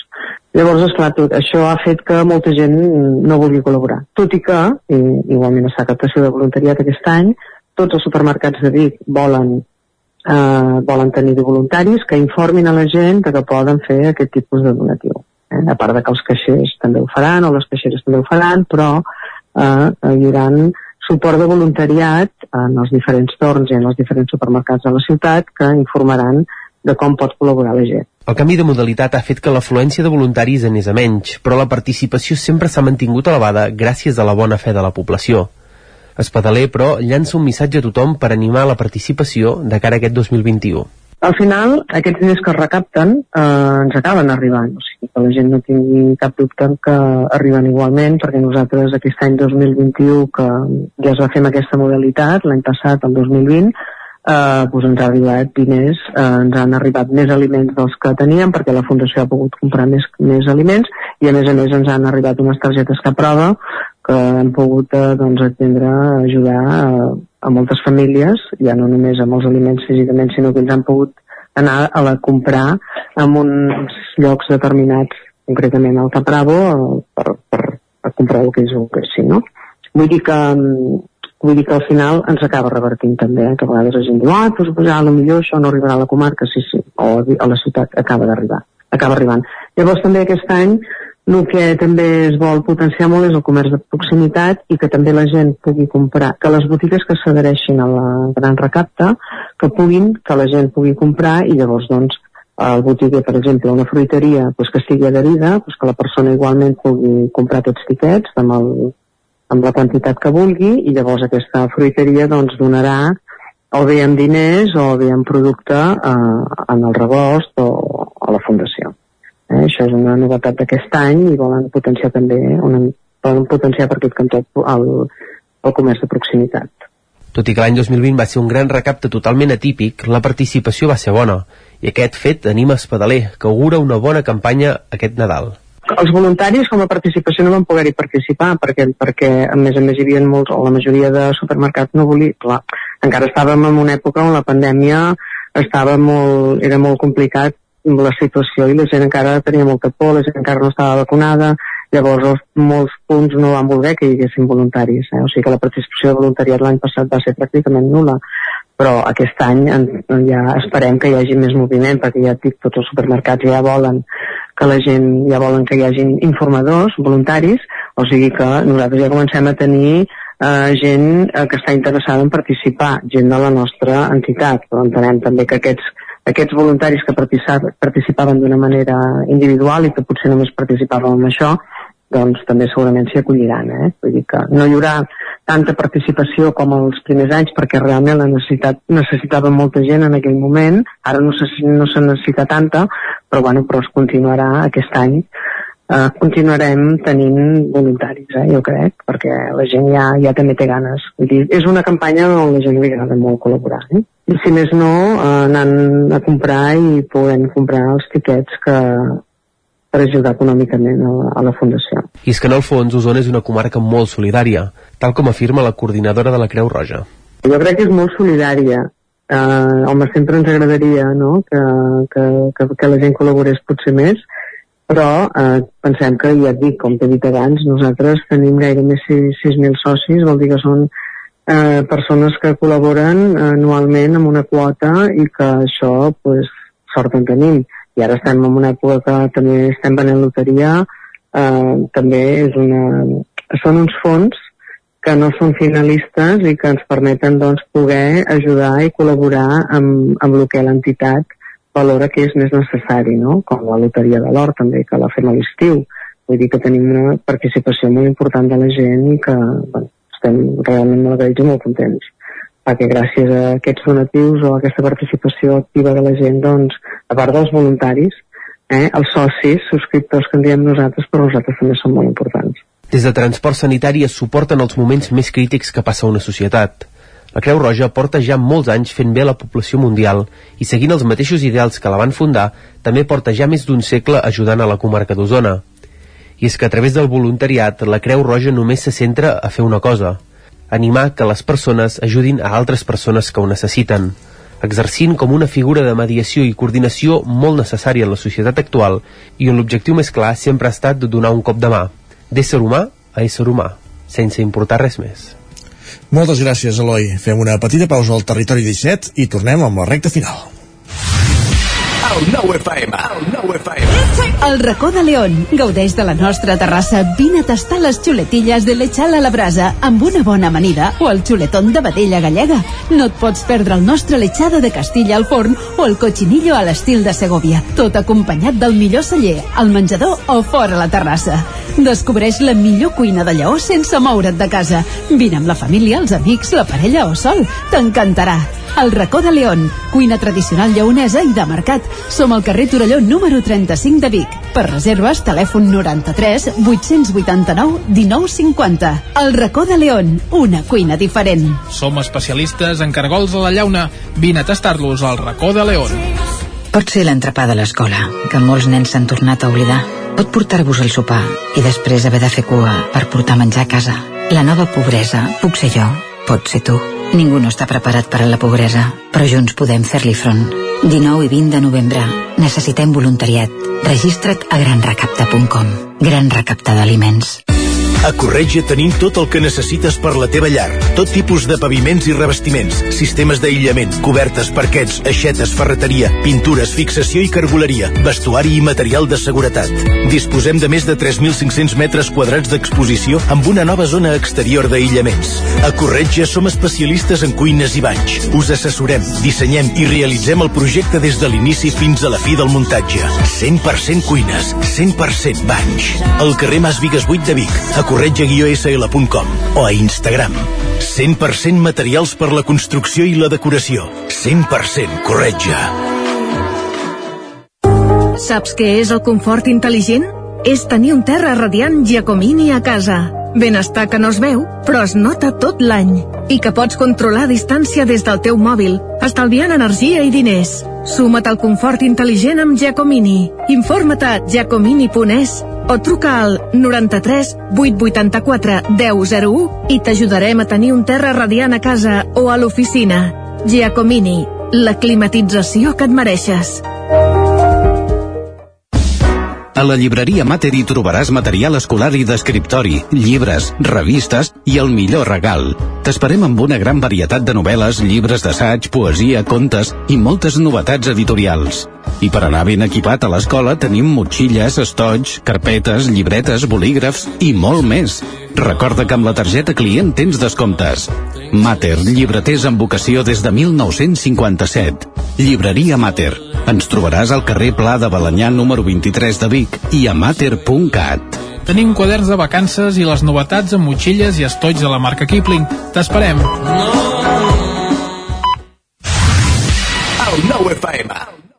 Territori 17. A Tren d'Alba. Cada dia els usuaris de la línia R3 de Rodalies que veuen sortir el sol des d'un vagó ens expliquen les gràcies i les penes del primer comboi que uneix Ripoll i Barcelona. Benvinguts a Tren d'Alba. Atenció amb la piulada d'avui a Twitter i la contestació per part de Renfe. L'usuari Cerni Ribó ha entrat a un tren que anava directe a Barcelona des de Sabadell. Com que no devia ser el tren que hauria d'haver agafat, es queixava literalment de la merda d'informació que dona Renfe a Terrassa. Rodalies li contesta que s'ha de fixar amb les pantalles de l'estació, on s'indiquen les parades que fa el tren. És clar, seria un gran consell si no fos perquè en Cerni diu que no funcionaven i que un avís per megafonia quan el tren entra a l'estació no hagués estat de més. A més, també lamentava que no hi havia plafons amb tots els horaris i destinacions a l'andana com es fa arreu d'Europa. Renfe ja n'ha contestat. Normal. Quin mal servei que han donat. Va, escoltem la crònica d'en Jordi Valls d'avui. Bon dia, sóc en Jordi a Centelles. Avui el tren ha arribat a les 7.04. 3 minuts tard. 7.04. És d'hora, eh? Com sabeu, us podeu imaginar, sóc una mica friqui de trens. I divendres havia d'anar a Cambrils i se'm va ocórrer agafar anar en tren. Tela, 9 euros amb 55 cèntims. Caret, caret, són molts diners, costa molt de guanyar 9 euros 55 cèntims. Vaig a Passeig de Gràcia, vaig a l'andana i dic, agafa, agafo un regional express, per tant em vindrà un tren una miqueta xulo. Què va? Em va arribar una de les nostres tartanetes. Tota pintadeta per fora, aquells seients grisos incòmodes, tot brut. Realment feia una miqueta de pena aquella tartaneta, pobreta meva. Mm, I pena la gent que havia d'anar a Tortosa amb allò. Una miqueta una miqueta així, eh? En, en, realment, qui programa els trens que van i on van? Perquè una tartaneta d'aquestes que puja a Puigcerdà és d'orillo, però que vagi a Tortosa també és d'orillo. El que sí que és veritat és que vaig veure el rècord de velocitat. No m'imaginava que aquests trastets corressin tant. Realment vam arribar puntual, i, bueno, hi havia gent però encara es podia, es podia viatjar bé. Bé, no sé, que algú s'ho plantegi, perquè després la gent no agafa el transport públic. Culleres, és que clar, tela, eh? Doncs res, moltes gràcies i que una Renfe qualsevol no us espatlli la màgia del tren. Adéu-siau. Doncs sí, ja que pagues, almenys s'hauria de donar un servei més adequat i no amb trens vells i bruts. En fi, al final sí que ens obliguen a agafar el cotxe i a contaminar més, si és que donen poques alternatives. Va, ens retrobem demà amb més històries del tren i de la R3. Territori, Territori 17. 17. Territori 17.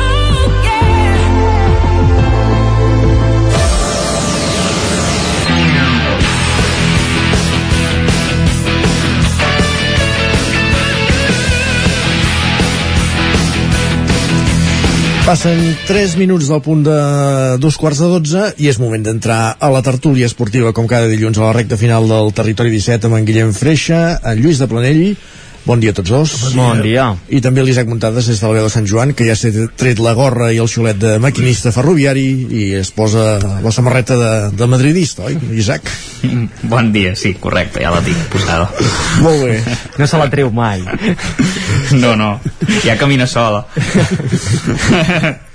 doncs va, som-hi. Uh, no hi ha hagut jornada de Lliga aquest cap de setmana, però sí que hi ha actualitat. Per exemple, es va parlar molt de la disciplina que vol aplicar en Xavi al vestidor del Barça. A mi el que em surt amb aquestes coses de la disciplina és que en quin moment s'aixeca aquesta disciplina, no? Perquè és, és lo lògic, no? Que, que hi hagi uns horaris laborals i que... Sí. Només puc dir una cosa per començar. De Dembélé ja la va incomplir el primer dia, ah, que va arribar 3 minuts tard. 3 minuts, Vull dir... Si només són 3 Comença- minuts. Eh, Sí, sí, no, no, clar. Bueno, si comencem el programa de ràdio 3 minuts tard, també no ho notarà pas ningú, no, suposo. Clar, jo crec que aquí també hi ha una campanya eh, de màrqueting que en l'arribada de Xavi, eh? Vull dir, jo crec que també hi ha feina a dir ara arriba en Xavi i imposa un nou règim de disciplina i fins i tot això, no? El cas d'en Dembélé que arriba 3 minuts tard i que si se li aplica les, les sancions que té establert en Xavi se li hauran de cobrar 100 euros que, o sigui, a mi em fa una mica de riure no? en Dembélé pagant 100 euros tenint en compte sí. amb, els, amb les xifres que es, que es mouen. Jo crec que això, eh, que, que hi ha una estratègia de màrqueting de sacsejar eh, la situació del vestidor explicant que es faran moltes coses que òbviament Xavi eh, entrarà al vestidor d'una manera diferent que, que Koeman. Segurament el tracte amb els jugadors serà diferent.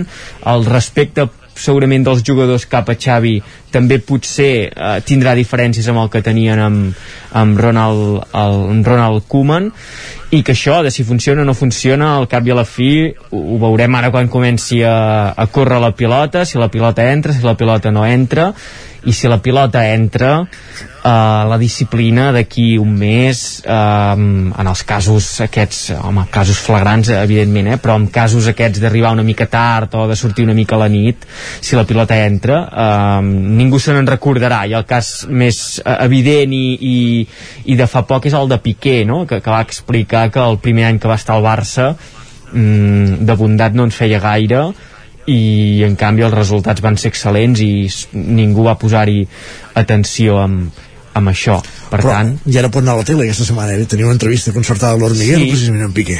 però això també jo crec que diu molt del jugador, que és un jugador murri. Uh -huh. Vull dir, esclar, um, si tenia aquesta entrevista a l'Hormiguero, també veníem de la setmana anterior que havia fet aquelles declaracions dient que, que tenia enveja de Madrid, de com es feien les Correcte. coses a, a Sí, sí. Jo crec que Piqué mm, pot semblar trambana, pot semblar que això, eh, que vagi una mica a la seva, però és murri, és un jugador murri. El que passa que és molt infantil tot això.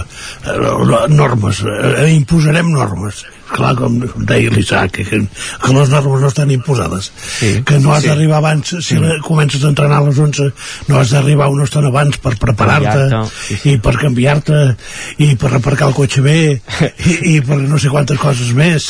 I llavors, vull dir, i llavors t- tampoc mm, veig l'efectivitat, que això ja, ja s'ho sabran ells, de que després de l'entrenament hagis de dinar junts i marxar cap a casa no sé, però no, no, no, molts clubs funcionen així, sí. fins i tot l'equip femení de Can Barça sí, sí, però no sé si entronca això o no amb la vida familiar Vull dir que, clar, si jo si puc dinar a casa amb la família, doncs m'estimo més que, que, que fer-ho amb els companys de feina, per molt amics que siguem. Però també t'assegures que Dembélé menys el que toca, perquè no es lesiona ah, tant. Això, això és una altra història.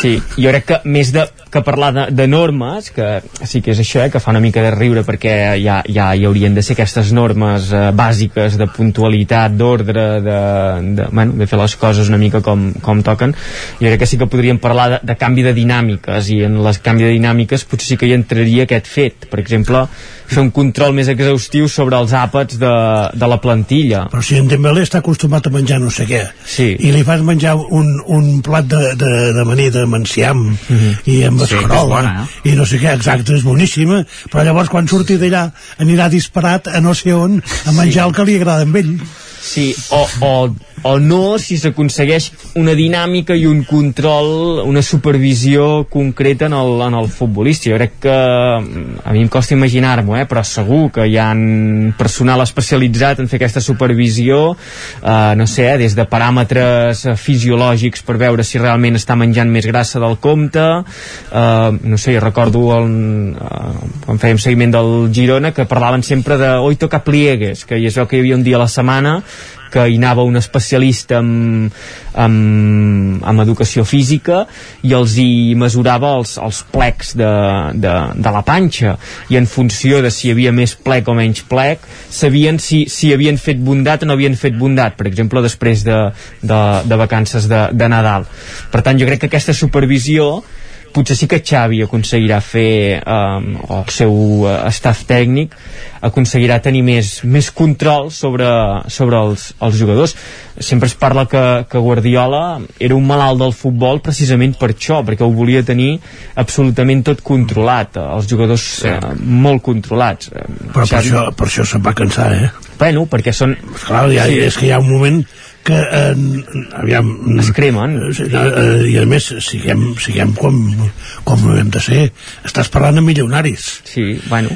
Joves i milionaris vull dir que clar, la, la, les condicions de, sí. de, en, en aquests casos són molt diferents a les de el que podríem dir entre cometes persones normals sí, però, però jo crec que també és, un, és una relació de milionaris a milionaris no? o de, i, i de respecte sí, però... uh, futbolístic a respecte futbolístic mm, Xavi ha de tenir aquesta ascendència sobre els uh, futbolistes i se l'haurà d'anar guanyant um, a poc a poc jo crec que per exemple amb els amb els nanos joves aquests que van sorgint de, de, del planter que no hi haurà problema, no hi haurà problema perquè ah. segurament quan tenien aquests nois uh, 6, 7, 8 anys que començaven a jugar a futbol eren, en Xavi era el seu màxim ídol. Va passar amb Zidane al Madrid segurament també aquest, uh, aquesta, aquesta situació. La feina la tindrà amb jugadors que potser no acaben d'entendre uh, qui és Xavi, què és el Barça uh, Dembélé, per exemple uh, un tití, que un tití ja porta uns quants anys aquí, ja hauria d'haver entès. Sí, no ha acabat, no ha acabat d'entendre. Bueno, Dembélé també, eh? Sí, Dembélé, sí, també. també porta uns quants anys aquí, eh? I Dani Alves també hi jugarà alguna, alguna i, i tindrà alguna cosa a dir amb tot això, no? Entenc? Diu que estan posant... Dani Alves, eh? Estan posant un, un carril a la banda dreta perquè, per, per la cadira de rodes, perquè anar pujant i baixant. Eh, eh, però el millor lateral dret que ha fitxat el Barça, Dani Alves, des de que va marxar Dani Alves, eh? Vull dir que, atenció, eh?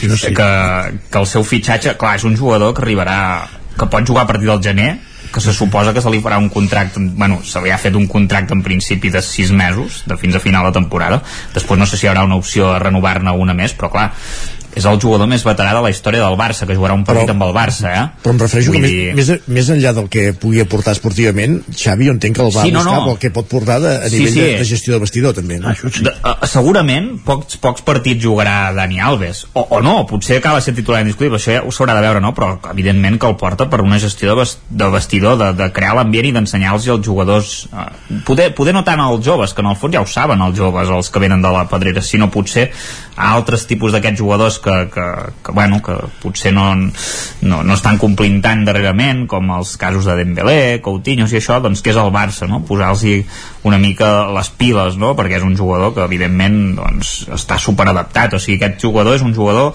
de rendiment immediat en el fons perquè ja sap com a, com a jugar al Barça perquè ja ha jugat moltes temporades, sap quin és l'estil de joc sap què vol el seu entrenador perquè el coneix perfectament uh, ha coincidit també amb algun del, dels jugadors que hi ha a la plantilla no, no amb gaires ja perquè la plantilla està, està molt rejuvenida però amb alguns sí i, i té un cert lideratge i, i jo crec que està bastant bé físicament encara, tot i tenir 18 anys eh? puc, puc fer bromes de que és molt gran i que potser no era el fitxatge que s'hauria d'haver fet però, però bé, és un jugador que, que ve de jugar als Jocs Olímpics i sent titular indiscutible i fent-ho molt bé, eh? vull dir que però, però, bé, és, està joc, bé els Jocs Olímpics els rivals eren els rivals que eren, eh, també mm. perquè, esclar, sí, per exemple, bueno. la selecció espanyola anava amb la, eh, amb la sub-21 mm -hmm. vull dir que, esclar, la, la, pràcticament tots els jugadors en, en l'Albes els hi doblava l'edat Sí, Vull dir que està clar, això amb aquests en partits d'una certa importància com són sí. semifinals i finals,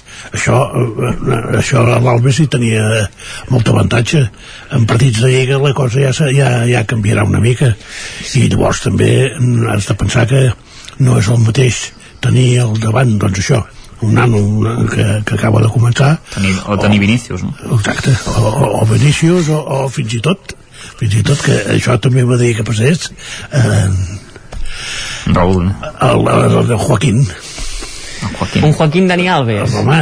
Hosti, això... Home, això seria... Joaquín van d'esquerra, Alves van de dreta. Home, eh? un, un duel entre eh, dos... Eh... Les mòmies de la Liga. Sí, la finta i l'esprint. Que ni una cosa ni l'altra, no? Ni la finta ni l'esprint. No, no, sí, sí que... La... Això es podria donar, eh? No, no, sí, és que són casos, jo crec que ara recordant, per exemple, a Joaquín, són casos, jo crec, fora del comú. Vull dir, sí que podem fer bromes i, i que segurament que el Barça, eh, en un context normal, no hauria d'anar a buscar un jugador com Dani Alves eh, per edat i, i també sí. per trajectòria de, de futur. Però Dani Alves té aquesta peculiaritat. Jo crec que és un jugador que, que s'ha cuidat molt al llarg de la seva carrera malgrat aquesta imatge que té de, de ditxaratxero i de, de brasiler eh, que li va la, la ballaruca. Mm, s'ha cuidat que té una mentalitat competitiva molt elevada. També és veritat que no ha acabat de deixar de competir no? perquè eh, ha anat competint va marxar a la, a la Juve al PSG, llavors cap a Brasil amb la selecció ha anat, ha anat eh, jugant el, el ritme de Brasil és molt diferent del sí, de la Lliga sí, Espanyola sí, però vull dir que ha continuat jugant i jo crec que si el respecten les lesions eh, aquí a Can Barça no serà un, un, un lateral dret de jugar els eh, 20 i pico partits que quedin a partir del gener mm -hmm. però sí que et podrà donar eh, aire, experiència presència, això que dèiem, eh, aquest rol de, de vestidor a, a, a l'equip, que serà una pota més de, de Xavi a dins del el camp, jo crec que aquí la reflexió que sí que hauria de fer el barcelonisme, més enllà que es, es fitxi Dani Alves, que, que veurem com surt, és, és això que deia l'Isaac, que um, serà greu que el millor lateral dret del Barça dels últims anys sigui uh, Dani Alves des de que Dani Alves va marxar i, i jo no hi trobo explicació perquè dius, ostres, és que no aquí al lateral dret eh, no s'han fet provatures. Però és que en els últims anys s'han fet moltes provatures, s'ha intentat tot i no s'ha consolidat ningú. I a més a més en perfils força diferents perquè um, en el cas de Sergi Roberto no, era un, una peça un, un com se diu? Bueno, comodí. un comodí exacte però llavors es proven altres situacions que eh, sobre el paper havien de funcionar. Per exemple, Serginho Dest um, arriba amb el cartell de, de venir a explotar perquè ja havia fet bones campanyes amb, amb l'Àgex i que potser jugava també més, més avançat, que en el lateral eh, li costava més quedar-se eh, fixat, però no s'ha acabat de consolidar. Però és que després es fitxen dos brasilers, tots dos del Betis que prometien molt, perquè tant Júnior Firpo um, en el seu cas també nacionalitzat a, espanyol eh? però és un dels laterals drets de o era de, de referència a, a, nivell, a nivell espanyol amb, amb, amb la, amb la sub-21 a la Lliga havia fet bones temporades amb el Betis es fitxa i no funciona i després també arriba Emerson també del, del Betis i no funciona i acaba sent una operació comptable per, per quadrar els, els números amb, amb el Barça. Per tant, ostres, no sé si està una mica maleïda també aquesta, aquesta posició de lateral dret. I a la dreta hi haurà Dani Alves que és un veterano a, a l'esquerra mm, de moment. Qui t'està donant el rendiment és Jordi Alba que no és tan veterano com Dani Alves però que també està arribant al final de la seva trajectòria. Per tant eh, de nou jo aniria a aquest fet que la secretaria tècnica, la direcció esportiva l'àrea esportiva del Barça és que no ha fet els deures amb, amb els últims 5 anys no s'han fet els deures nosaltres a Can Perico, a Can Perico tenim dos laterals drets cedits perquè en tenim tres a, a la plantilla i dos cedits perquè amb, amb cinc mm -hmm. durant la temporada és, clar, és una mica difícil mm -hmm. vull dir que si voleu per un mòdic mm. preu però... saps, saps qui seran els fitxatges no, no preu, del, del Barça? Barça al mercat d'hivern que hi, ha hi havia d'haver tres fitxatges sí. eh? un és Dani Alves l'altre serà Thiago Alcántara del Liverpool, el, el segon retorn i el tercer serà Andrés Iniesta evidentment, home això, això està claríssim perquè no. veient la, la política de fitxatge home, en Tiago, mira suposo, encara... sí.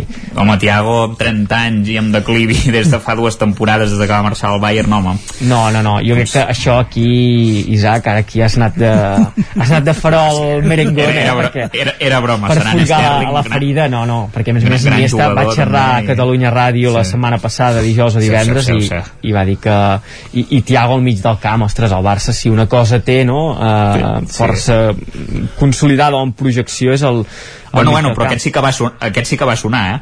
Aquest sí. sí que no ho he dit pas, per aquest sí que ha sonat, eh? Bueno, perquè és el que... no, era, era no, la broma, eh? És el que comentàvem la setmana passada, d'aquests perfils de jugadors que vinguin aquí sí. per un tema de reenganxar-se a, a competir i amb aquesta vinculació eh, amb el club eh, em sembla que això és parlava també de Dani, Al, de Dani Olmo aquest sí que seria un mm. fitxatge mm. potent en el sentit que bueno, que és el, el davanter titular de la, de la selecció però no hi ha Bueno, sí, però... No, no hi és, està lesionat cada dos per No hi és, exacte. De ser no hi és. no, volen renovar, no?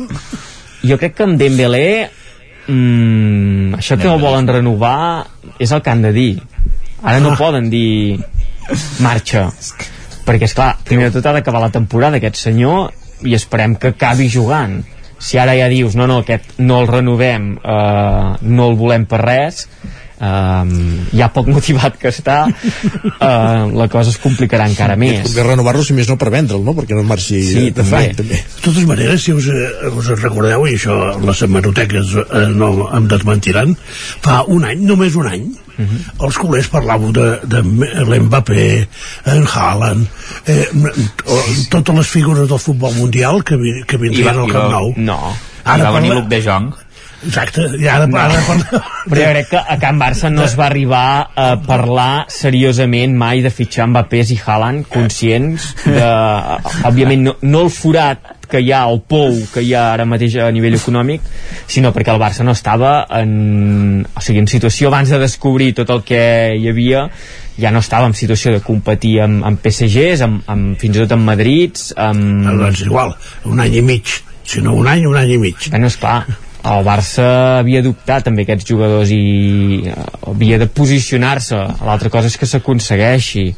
Mm. però llavors ja parlàvem d'això de, de Daniel Alves i, i l'Iniesta vull dir que està bé. Bueno, és el que hi ha, és el que, és el que ha tocat descobrint la, la situació econòmica que, que hi ha. I hi ha, sí que hi ha material per anar construint un projecte eh, a mig termini eh, Gavi amb la selecció espanyola aquest cap de, o aquests partits internacionals ha fet un molt bon, un molt bon paper Um, tenim jugadors amb Nico, tenim De Jong, uh, el bo, Frenkie De Jong, ah. que... Bueno, el, el, no, no, perdona, et corregeixo. Per hi ha De Jong el, el dolent i hi ha De Jong el mediocre. No, no, va, va, va, va. no, per, per, per, perquè Frenkie de Jong últimament no, és una ombra eh, del que era No, no és una ombra. Ha, ha fet Sí, ara uns quants sí. partits que potser no ha estat a un nivell altíssim, però Frenkie de Jong jo crec que ha demostrat que té matèria, té capacitat per ser un molt bon migcampista del Barça. I, i l'han d'acompanyar, no pot fer-ho tot sol. Exacte, també ha d'estar amb, amb confiança i, i ha de tenir gent que li- que l'acompanyi. Que Però, aviam, aviam explica'm una cosa. Uh -huh. En Busquets per què juga amb la selecció espanyola i malament al Barça? Doncs segurament també per això, perquè allà està més Però llavors té- acompanyat. el De Jong al costat. Bé, Si però tots són bons, no és només de Jong, és uh, qui tens per davant que et pressiona, qui tens per darrere que et cobreix eh, les espatlles, um, quina funció has de fer o com reps la pilota quan et vas a oferir i qui se t'ofereix quan tens la pilota als peus.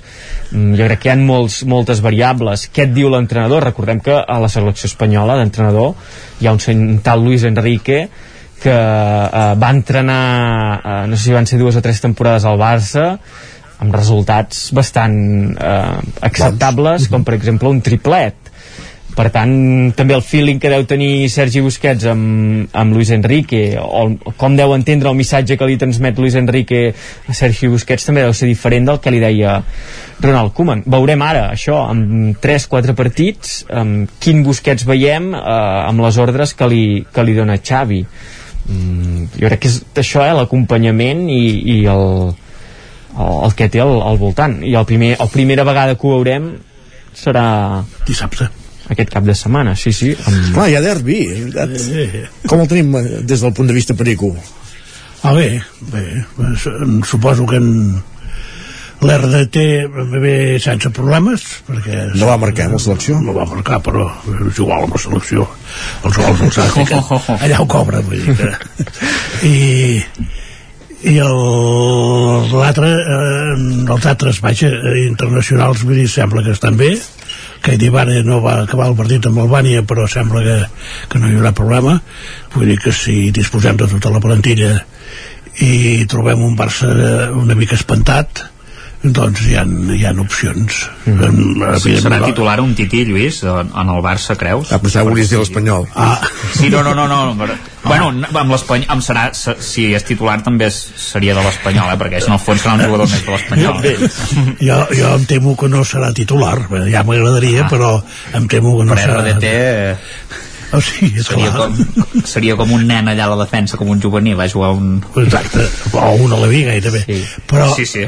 però esclar eh, jugar a Can Barça sempre és complicat per nosaltres perquè eh, al contrari es motiva moltíssim i més entrenant est- estrenant entrenador i tot plegat vull dir serà una, una, una mica més complicat però bé, bé Venen eufòrics, eh, Guillem? no, eufòrics, no, no, eufòrics. A més, no hem guanyat cap partit a fora de casa. Em penso que n'hem n'hem empatat dos a la Lliga. Bueno, co- com, com, com el Barça, no? que tampoc n'ha guanyat cap fora de casa a la Lliga. estem allà, vull dir, estem els dos allà no, sí. això fa uns anys sí I que el, I el Madrid a 10 punts i això. I... Sí, sí. No, aviam, si nosaltres guanyéssim dissabte, eh, llavors vull dir que els fantasmes que ja ronden per Can Barça eh, sí. diguem que es deixarien veure molt més, evidentment. Home, seria una patacada dura, perquè primer partit de, de Xavi... No, destitució tampoc. Però, òbviament, primer partit de Xavi es ve d'una aturada de seleccions que sempre s'aprofita per fer una mica uh, reset a, a, les, a les plantilles, una mica de, de punt i seguit durant la, la temporada mm, una ensopegada amb, amb l'Espanyol òbviament seria un, un cop dur però tampoc caldria perdre perdre el cap perquè és un projecte molt, molt inicial i que l'Espanyol la gent de l'Espanyol l'espera aquest partit i que hi tenen moltes esperances posades en, en, en fer sonar no, la, la campanada després de tants anys eh... perquè jo sóc dolent eh, per De això, la l'última- 2.0. seria el tam- el- l'última vegada que l'Espanyol no? hi guanya Amb el de la Penya. 2008, El de la 2009, Penya- no? El de la Penya, la Rua 2 és amb el de la Penya. Fa 11 o 12 anys, això, eh? Sí. Però és clar, és que també vull dir, en, en, Pot, pot, pot passar. la situació econòmica era, era Sí, sí. eh, espectacular a favor del Barça. Sí. Ara la cosa està- s'està igualant, però de totes maneres és, és 700 a 100. Sí, sí. Eh, parlo de milions, eh? Vull dir que, que, que és, sí. és més que notable. Vull dir que el més lògic és que guanyi el Barça. Per, Sí. però, però, però, però per totes. sí. i també és, és normal esperar que eh, quan et trobes un equip en crisi per molt milionari que sigui doncs eh, tinguis més esperances de poder guanyar sí. almenys no, de no perdre i l'última vegada que vam jugar al, al Camp Nou vam perdre en penso 1-0 mm -hmm. i vam baixar segona Sí, sí, clar, és que... Mm. Eh? Amb, amb celebració d'aquelles eufòriques bueno, dels culers no, que, que ens diuen a segona, doncs aquesta vegada va ser veritat. Ah, S'ha d'entendre que, que hi hagi bueno, però no hi, havia, no hi havia públic, no?, per això, Lluís, aquell dia. Ah, ostres. Ja, ja tampoc no? us ho van poder dir, no? Tampoc. Vull dir, va ser com un coitus interruptus. Però a l'entorn segur que ressonava aquest, això. És normal aquesta mala i aquesta mala llet eh, entre, entre aficions i entre, entre clubs. Eh, també serà un retrobament amb la porta, no? Que, que sí que durant el seu anterior mandat havia, diguem, havia revifat una mica eh, aquesta estira i arronsa entre Barça... Eh, la porta va viure el, el tamudazo per sí. exemple. Eh, llavors... Oh, la Tamudo! allò va, va, va ajudar moltíssim. Eh, que, eh, recordo que el Tamudazo, eh, el gol d'en Tamudo és una anècdota, uh mhm. -huh. perquè sí. va ser, eh, o sigui, el, el, el gol que havia, el gol del Barça, el va marcar Messi amb mans, eh, amb la mà. Amb mans, sí, aquestes mans que també sempre van sortint, eh? eh exacte, la mà de Déu, però la mà. Eh, vull dir que, eh, encara que sigui de Déu, no val, eh, o no hauria de valer. Exacte, el bar que no hi havia. Mm. Exacte. Que jo crec que això, eh, que els, els derbis eh, són partits que costa molt fer una anàlisi, que amb la situació en què estan Espanyol i Barça a, a, encara més, i que, no, no sé, jo espero que guanyi el Barça, eh, eh, veig això també perquè els últims partits en, en Diego López, el, el porter també, déu nhi no? que ha fet sí, molt bones intervencions, i això no passarà sempre, vull dir que si el... mentre duri una setmana una més, setmana més, no? Ja, no, no, jo diria que en, en Diego està bé tota la temporada eh? uh mhm. -huh. no ha tingut cap errada aquest any un altre veterano, vull dir, parlar amb Dani ja, Alves sí, sí. no, Diego López dels, sí, sí, però... és, el millor, és el millor porter de la temporada eh? com estadísticament ja s'han ja de tenir reflexes eh, per en, fer porter en parlarem dilluns de, del derbi i també del partit del Madrid del cap de setmana gràcies a tots tres, Guillem Freixa, Lluís de Planell i Isaac Muntades adeu, bon dia adeu. bon dilluns Adéu. I acabem al territori 17, us hem acompanyat des de les 9 del matí i arribem ara al punt de les 12 per dir-vos adeu-siau i tornarem demà a la mateixa hora, a partir de les 9 aquí a la sintonia de Ràdio Cardedeu, Ràdio Vic, el 9 FM, la veu de Sant Joan, una Codinenca i el 9 TV. Que acabi d'anar molt bé aquest dilluns, adeu-siau.